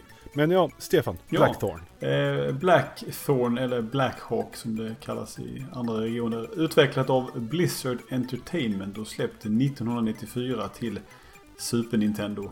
Även till DOS, Sega 32X, PC 98, Mac, GBA och Windows. Eh, inte lika välsläppt eh, på många olika format som de tidigare spelen. Och inte heller kanske lika älskat. Jag vet inte. Eh, jag har inte hittat inte någon uppskattat. historisk eh, utvecklings... Eh, historisk information om det här spelet, tyvärr. Eh, så vi får bara prata om spelet. Eh, jag... Ja, jag klarade det, det är nästan ett år sedan nu. Men det, är ju väldigt, det är ett, det är ju ett spel av samma typ som de andra. På så vis att man klättrar och hoppar och eh, allt det där. Det är, det är de rörelserna. Och sen har, fast man har då en, en shotgun som vapen eh, och skjuter med. en Och plus- hagelbrakare. Plus då det här att man kan liksom gömma sig mot bakgrunden. Man kan liksom sjunka in i skuggorna. Och eh, det är lite så man undviker fiender som skjuter på en ofta. Så att man, ibland kan man ducka men det är då duckar de oftast och skjuter dig i huvudet istället. Och, sådär. Men så, och sen är det lite det är ju inte bra. Nej. Men det är mycket pusslande och eh, hoppa runt på plattformar. Och det, är, det här också, det scrollar inte heller. Utan det är en bildruta i taget. Eh, precis som de andra. Till skillnad från de andra så är det här lite, ett lite lättare spel. Det, det är inte jättelätt hela tiden och sådär. Men det är ändå mycket mer förlåtande. Skulle jag säga. Eftersom jag har klarat och inte har klarat de andra. För att jag, jag har gett alla de andra Det- spelen det är det som är måttstocken. en god chans att inte döda mig allt för mycket. Eh, till slut har jag gett upp när jag inte har kommit vidare. Men jag har eh, slagit mitt huvud mot alla väggar tills jag in, inte har orkat mer. Men som sagt, det utvecklades ju av Blizzard. Och Blizzard, det här var ju innan de, de hade väl eh, gjort Warcraft tror jag. Men det här var ju ungefär samma era när de hade, de gjorde The Lost Vikings 1993. Och de har gjort även Rock'n'Roll Racing 1993. Och eh, The Death and Return of Superman. Eh, gjorde de åt Sunsoft 94, samma år som detta. Eh, så de höll på med mycket NES, eh, SNES-spel. Och eh, något Mega Drive-spel med. Då. Eh, spelet är designat av Ronald Miller Senior. Eller bara Ron Miller, också kallad. Eh, han hade jobbat på alla de här tidigare spelen som jag nämnde. Plus lite Warcraft 2 och sådär jobbade han på senare. Och Black and White 2 och lite, lite sånt där. Och märkligt nog. Han jobbade med grafik på en version av Prince of Persia. Jag vet inte riktigt vilken version men... eh, Åh, är det nu Arkiv X-temat kickar igång? Ja. Kan han ha blivit inspirerad av att ha jobbat med en version av Prince of Persia 1992? Kanske. Kanske. Eh, och sen så var Ja. väl Flashback väldigt populärt där 93. Eh, 92. Eller var det? 92 ja. Så att eh, det var ju liksom... Det hade kommit ett par spel där åren innan som var väldigt populära i den genren. Och eh, sen kom Blackthorn. Men ändå, Blackthorn är ändå rätt känt i, i bland folk som kan sina gamla spel i alla fall. Det är inte så att det är ett helt okänt gammalt spel. Känner jag i alla fall. Nej, Eh, nej det, när det släpptes så fick det ju väldigt mycket uppståndelse kommer jag ihåg. Just det är ju det är ett väldigt våldsamt, brutalt spel. Ja, man har den här shotgunnen Ja. som... Det jag tycker är kul, man kan ju skjuta både framåt och bakåt. Eh, Man kan liksom, han kan liksom göra liksom att han bara, utan att titta bakåt, bara skjuter rakt bakåt. Så man kan liksom utan att vända sig om skjuta. Fast man skjuter nog inte lika snabbt som när man skjuter framåt eller något sånt här. Eh, Sen kan man ju också råka skjuta fångar i spelet, vilket eh, det också var lite uppståndelse kring. ja, När det släpptes. och eh, jag vet inte om det på något sätt är negativt för en, men i spelet. Jag kan inte komma ihåg det. Eh, nej men jag kommer ihåg att jag, jag tyckte det var kul fram tills det, de var ju tvungna att avsluta med en boss. Hur ska de annars avsluta ett spel? Det finns inga bossar under spelets gång. Nej, men givetvis. Åh, herre. Alltså när, efter de tio första försöken eller någonting så tänkte jag det här kommer nog aldrig gå. Eh, så var jag tvungen att så tittade jag på någon video. Och sen så var det någon som tänkte åh wow han hade något knep här. Det funkade ju inte alls när jag skulle göra det. Eh, sen till slut så ställde jag mig på ett ställe och så bara matade jag och höll på. Till slut så bara eh, av ren slump tur. Jag hatar när, när man klarar en slutboss. Och det, det har liksom bara varit att den 31 gången då råkade jag inte bli träffad så många gånger som jag brukade bli och lyckades träffa honom fler gånger. Sådana bossar, det, alltså det, när det är väldigt svårt att undvika saker. Fast det, det gick ju att undvika till slut. Jag upptäckte ju att man kunde undvika nästan alla attacker om man höll på. Men det tog lite en stund. För att det kändes som att han, bossen var så fruktansvärt på en hela tiden. Så man hade liksom, hann inte riktigt eh, se vad som, vad som hände. Eh, nej men jag tycker det, det, jag skulle rekommendera Blackthorn att spela lite. Det tar inte jättelång tid. Kanske sex timmar eller något skulle jag tro. Det finns Nej, lösenord. det, det känns som eh, he, helt klart det lätt, lättsammaste av de spelen vi har snackat om hittills. Ja, Det är inte riktigt lika mycket stress, det är inte eh, lika mycket frihet som Flashback, det är inte lika mycket s- slump som i Another nej, World. för de tre tidigare Det- spelen. När man har läst, när jag har läst intervjuerna och sånt med de här skaparna. Det har, det har ju låtit som att nej, jag, ska, jag försökte inte göra något svårt, jobbigt spel. Men de, är ju det allihopa. Det är, de, de kan ju inte liksom komma... Det, det är bara för att de har suttit i två år med dem och bara liksom... Ja, nej, jag klarar ju av detta. Jag har ju jag har designat det och jag har spelat det 300 gånger. Men... Eh, nej, de är jobbiga. Blackthorn, eh, mildare. Ja, det, det är det helt Ja. klart. Jag, jag kommer ihåg, jag spelade igenom det när, det när det släpptes. Det var någon bekant som hade, som jag lånade. Och det, det gick ändå hyfsat snabbt att klara av spelet, precis som du säger. Det är inte särskilt långt om man väl bara sätter sig ner och börjar lära sig hur det, hur det funkar. Och själva tänket i det. Och jag, jag tycker det är trevligt. Det är inget fantastiskt spel, men det är helt klart eh, underhållning de timmarna man spelar spelet. Ja. Alltså det är precis som du säger. Det, det är inget så här...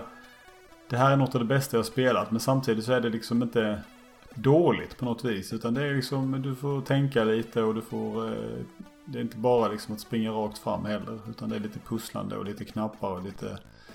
Ibland ska man, ibland ska man springa och göra precisionshopp och sådär. Precis som i... Eh, Prince, är det, ja, i Another World och sådär. Så det är trevligt. Hade vi lite kommentarer på detta faktiskt. Lite mer än en faktiskt. Den här gången.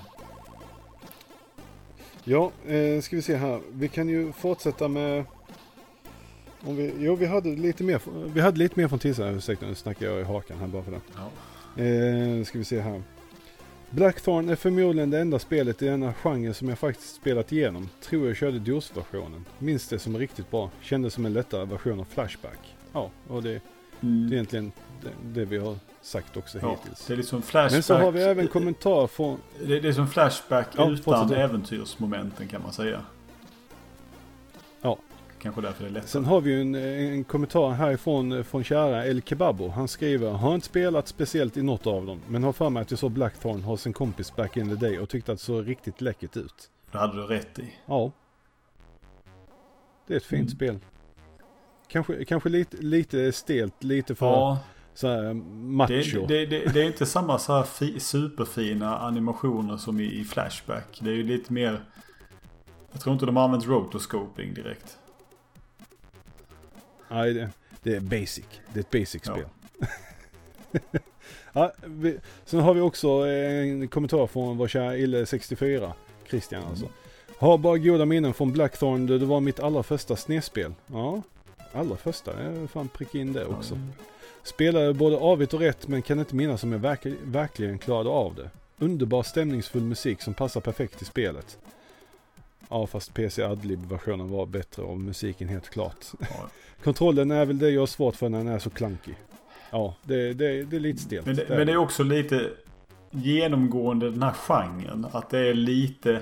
Det är just det här, alla de här animationerna på något sätt. Att, att det ska se lite realistiskt ut gör också att det blir väldigt Det blir inte den här Super Mario-vändningarna i, i någonting. Utan det är liksom alltid i Prince of Persia när man stannar till så är liksom, han liksom bromsar till och sådär. Det är liksom Det är alltid lite uppladdning inför ett hopp och det är alltid Även om Blackstone faktiskt är lite, lite mer sånt än de tre tidigare spelen tror jag.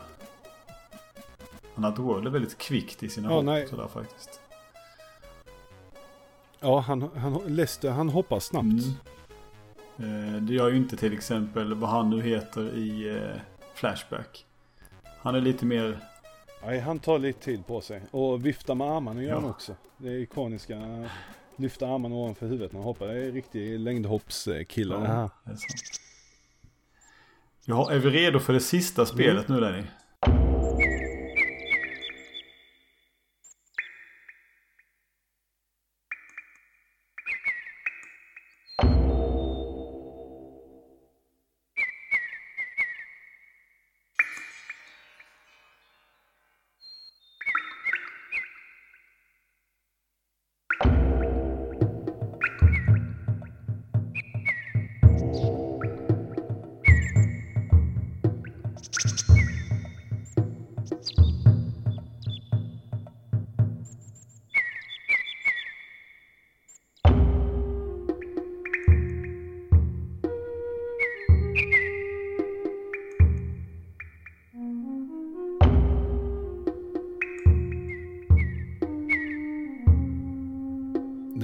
Var Mosaic Lines från spelet vi ska snacka om nu, alltså Apes Odyssey, eller Oddworld.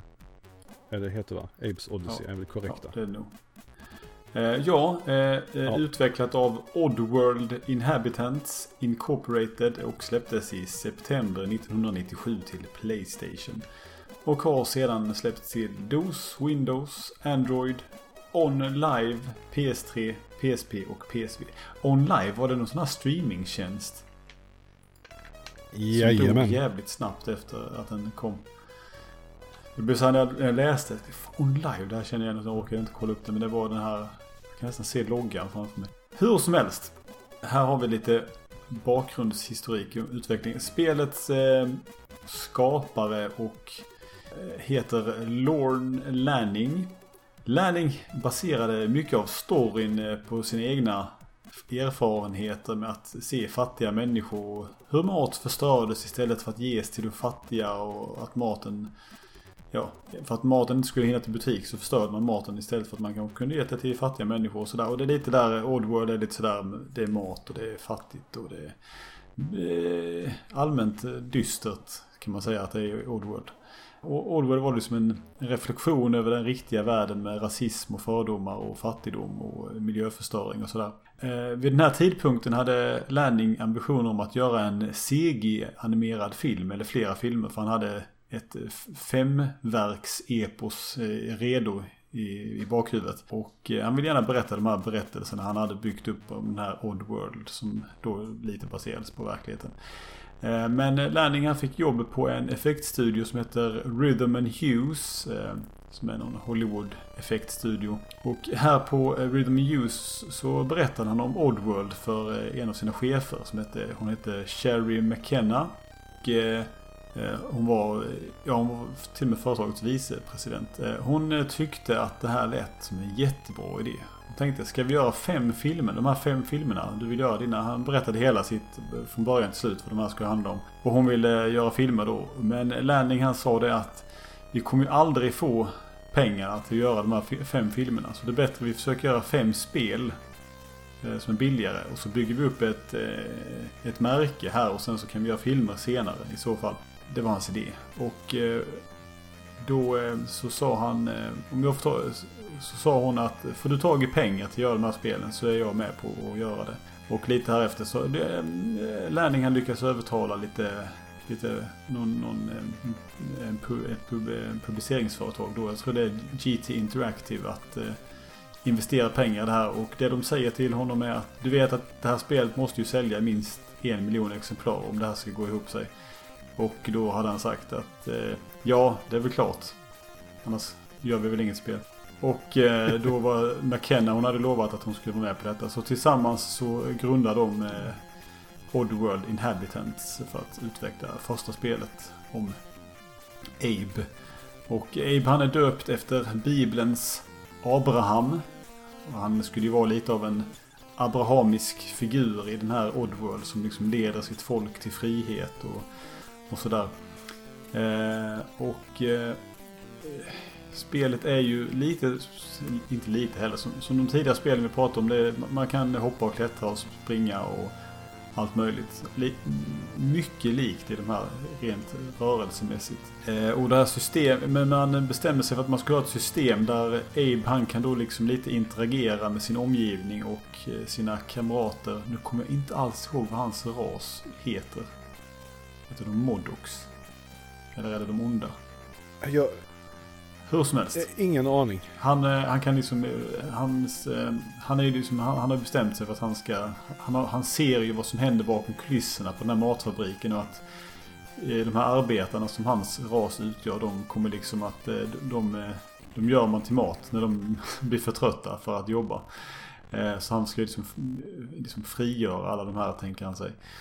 Och eh, det här gör man då genom att A-Bank kan eh, ha ett visst antal röstkommandon. Och det här är ju lite också som ett äventyrsspel, precis som eh, Flashback på så vis att man kan interagera. Men han för inte dialoger utan han mer liksom kan göra vissa, kan säga hej och sen kan de liksom så säger de hej och så kanske de gör någonting och så kan han säga att de ska följa efter honom och sådär.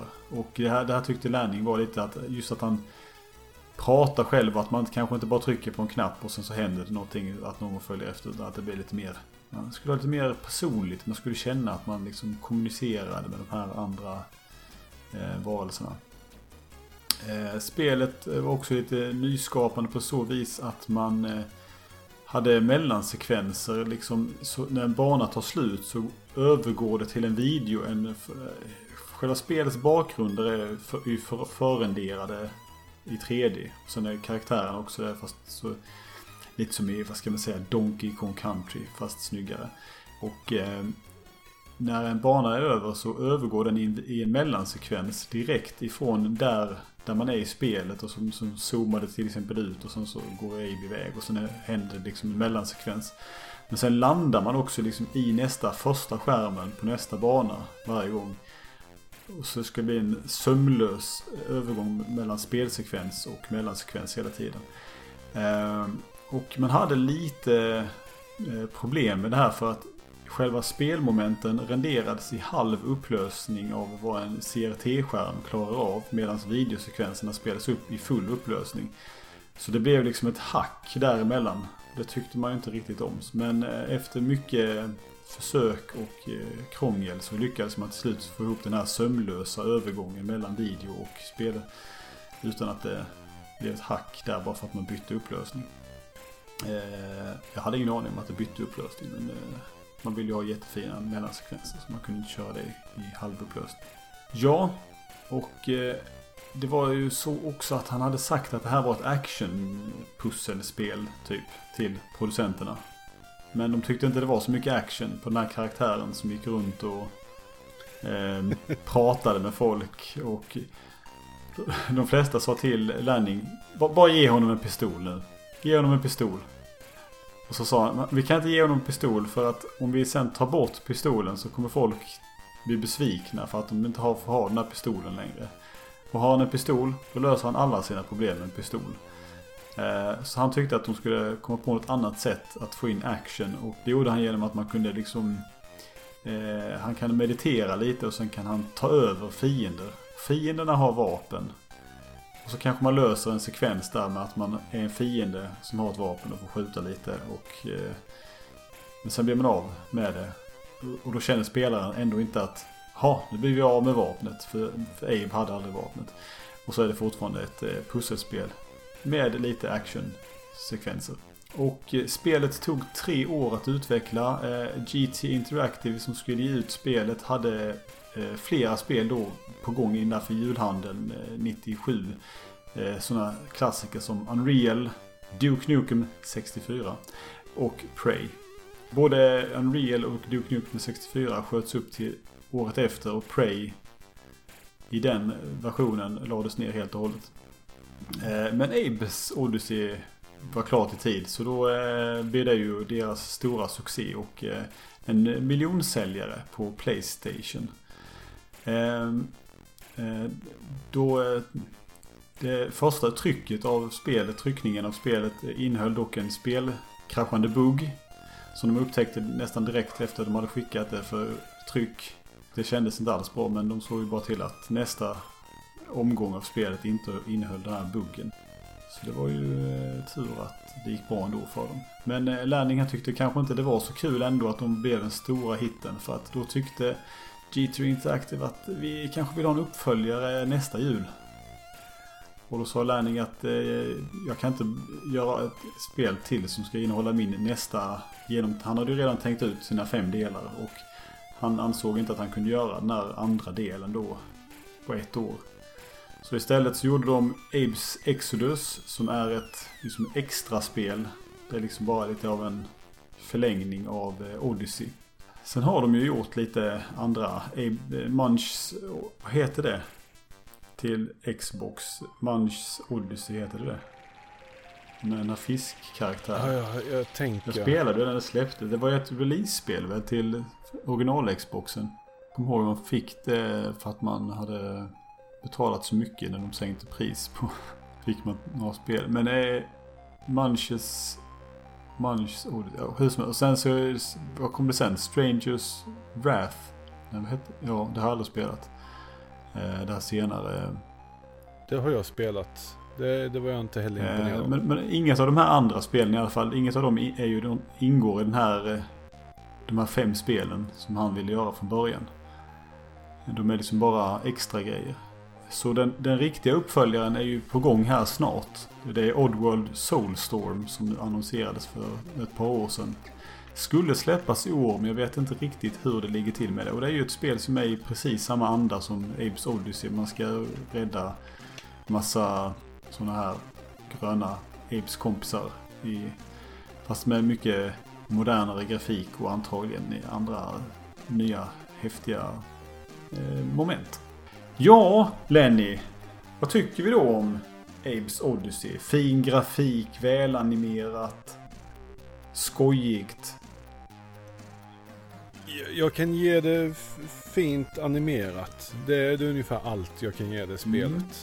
Du tycker inte det är kul? Det är ett kul pussel jag... då? Inte alls är förtjust i. Nej. Nej.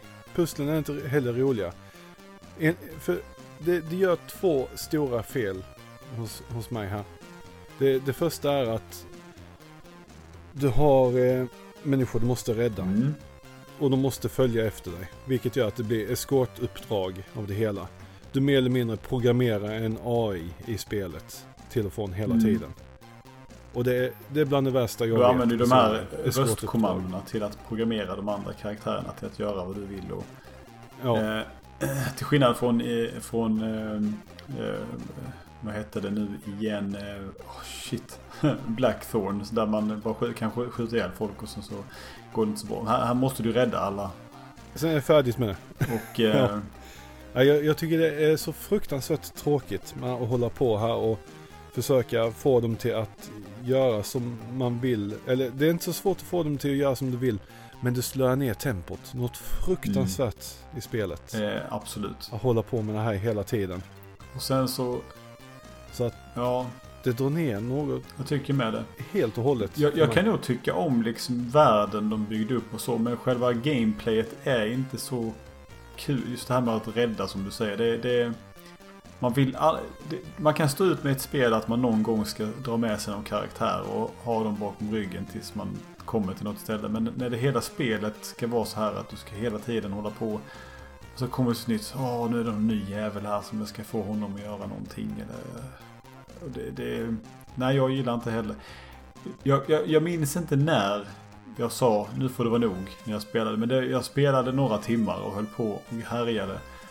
Och sen ibland så kommer man till, det känns, det känns nästan det som, som det som har elakast pussel till att komma på vad man ska göra också ibland. Alltså det, ibland, man ska bara Jaha, men är det något nytt moment nu här eller vad, ska, vad är det de vill att jag ska...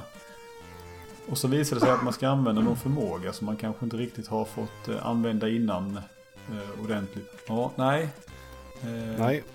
Och sen, sen är det ju inte ett vackert spel heller enligt mig. Det känns som att de har tagit... Det, det är någon stackars unge som har fått titta på sina föräldrar när föräldrarna har fått måla med fantastiskt många färgkritor i hela livet. Ungen har varit begränsad till två färger. Och sen när han väl får tag i massa kritor så bestämmer sig ungen, nej men jag, jag kommer måla i 16 olika bruna färger istället. Det är, Ja, så, det är så det, det är känns. väldigt så här... Till skillnad från till exempel Donkey Kong Mörkt. Country. Där det har lite variation i färgerna. Även om det är förrenderade eh, Mm. bakgrunder. För det, det, så det, är det det är oftast väldigt så här grått, brunt, brunt. mörkgrönt, mörkt också hela tiden. Det är liksom inte... Jag förstår att det ska vara en, en dyster värld på något vis och sådär. Det är inte kul att titta på. Ja, nej, det, det, det är ju det. Det ska ju vara dystopiskt. Och det är ju deprimerande världen. Men det gör det inte roligare Nej. för det. Eller mer intressant enligt mig. Nej, nej. Alltså jag har inget mer att säga om det faktiskt. Jag, jag har aldrig spelat uppföljaren. Jag kommer nog aldrig spela något. Det enda jag har spelat är det här Munches Odyssey som det säkert heter. Alltså, Hur det nu ska heta. Och eh, det, Och jag har spelat Wrath-spelet. det, det, det var ju mer så här. Det började med att man var den här Munch och sen så var det lite. Och sen så helt plötsligt så var man Abe och skulle gå runt och samla ihop sådana här jävla kompisar. Och så ska de springa efter en in i någon sån här portal eller någonting. Så det var lite samma sak fast i Just, tredje. jag, jag tror faktiskt jag har Va? det. Men jag har inte spelat det. har, nej. Jag har, jag har inte spelat det men jag tror jag har det. jag har. Det var ju väldigt, väldigt. Det var ju när, när första Xboxen släpptes. Men jag spelade det i början. Lite mest för att jag, som sagt, jag tror de- det var väl att de sänkte priset på Xboxen ganska snabbt. Och så fick man liksom en handkontroll och tre spel. Eller något sånt om man hade köpt tidigt. Och då, var, då valde jag, för jag hade köpt Halo till och sen så fick jag då, eh, om det var ett spel man fick det, så fick jag Munch Odyssey. Ja, det kanske bara var det. Så spelade det. För det fanns ju inte så mycket annat kul att välja på i launchspelen där direkt. Så spelade jag det lite men det var Nej, så... Nej, jag recenserade kanske det till och med åt eh, Game Reactor eller något sånt. Oj, recenserade jag det? Jag spelade inte det mycket alls kan jag säga. För det var... det känns som att du gjorde som med varje, varje spel vad jag har hört Ja, men de var ju, det var ju inte... Det var ju inte... Jag spelade dem så länge så att jag liksom fattade liksom vad, vad det gick ut på. Men det var ju liksom inte... Spelen var ju redan släppta när jag fick dem och skulle recensera dem. Det var ingen som brydde sig. Jag hade inte tid att hålla på. Nej men jag, jag vill säga att jag gillar premisserna för spelet och världen betydligt mer än vad jag gillar gameplayet. Ja, Jag tycker att idén är jättetrevlig och karaktärerna visst de kan vara lite charmiga även om de bara har sina, kan säga vissa saker. Vilket jag tycker är lite störigt men det, det går inte ihop det med gameplayet. Det blir, nej. Det blir ett spel som jag inte gillar. nej. Och det, det är ändå rätt ovanligt att jag inte ser särskilt mycket intressant i Kanske spelet. satsat på att göra filmer från början. Ja. Ska, ska jag dra kom, kommentarer Ja. från Tisse? Vi avslutar med det. Han skriver så här. Abes Odyssey har jag hört lite blandade åsikter om men har inte testat det själv. Hittade nyligen på loppis för en tia i alla fall så ska det bli kul att höra vad Gassi har att säga om det. Om det är värt att dra igång eller inte. Jag vet ju redan vad Lenny tycker om det.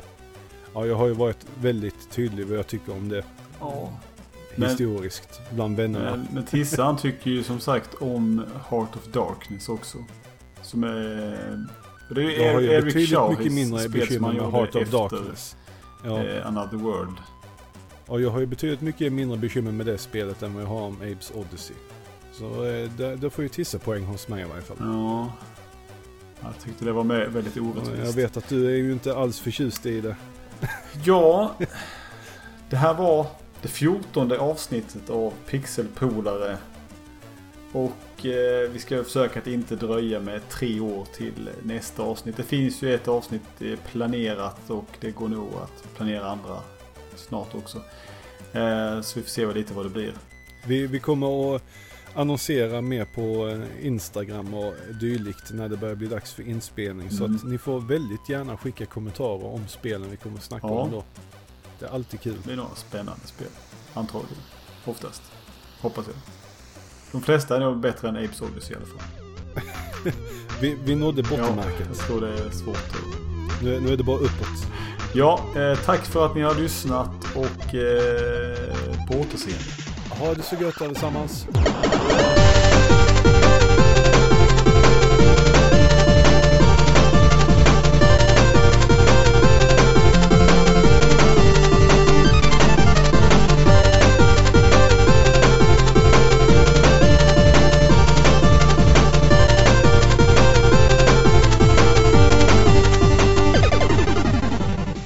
Prince of. Persia som då släpptes så sent som...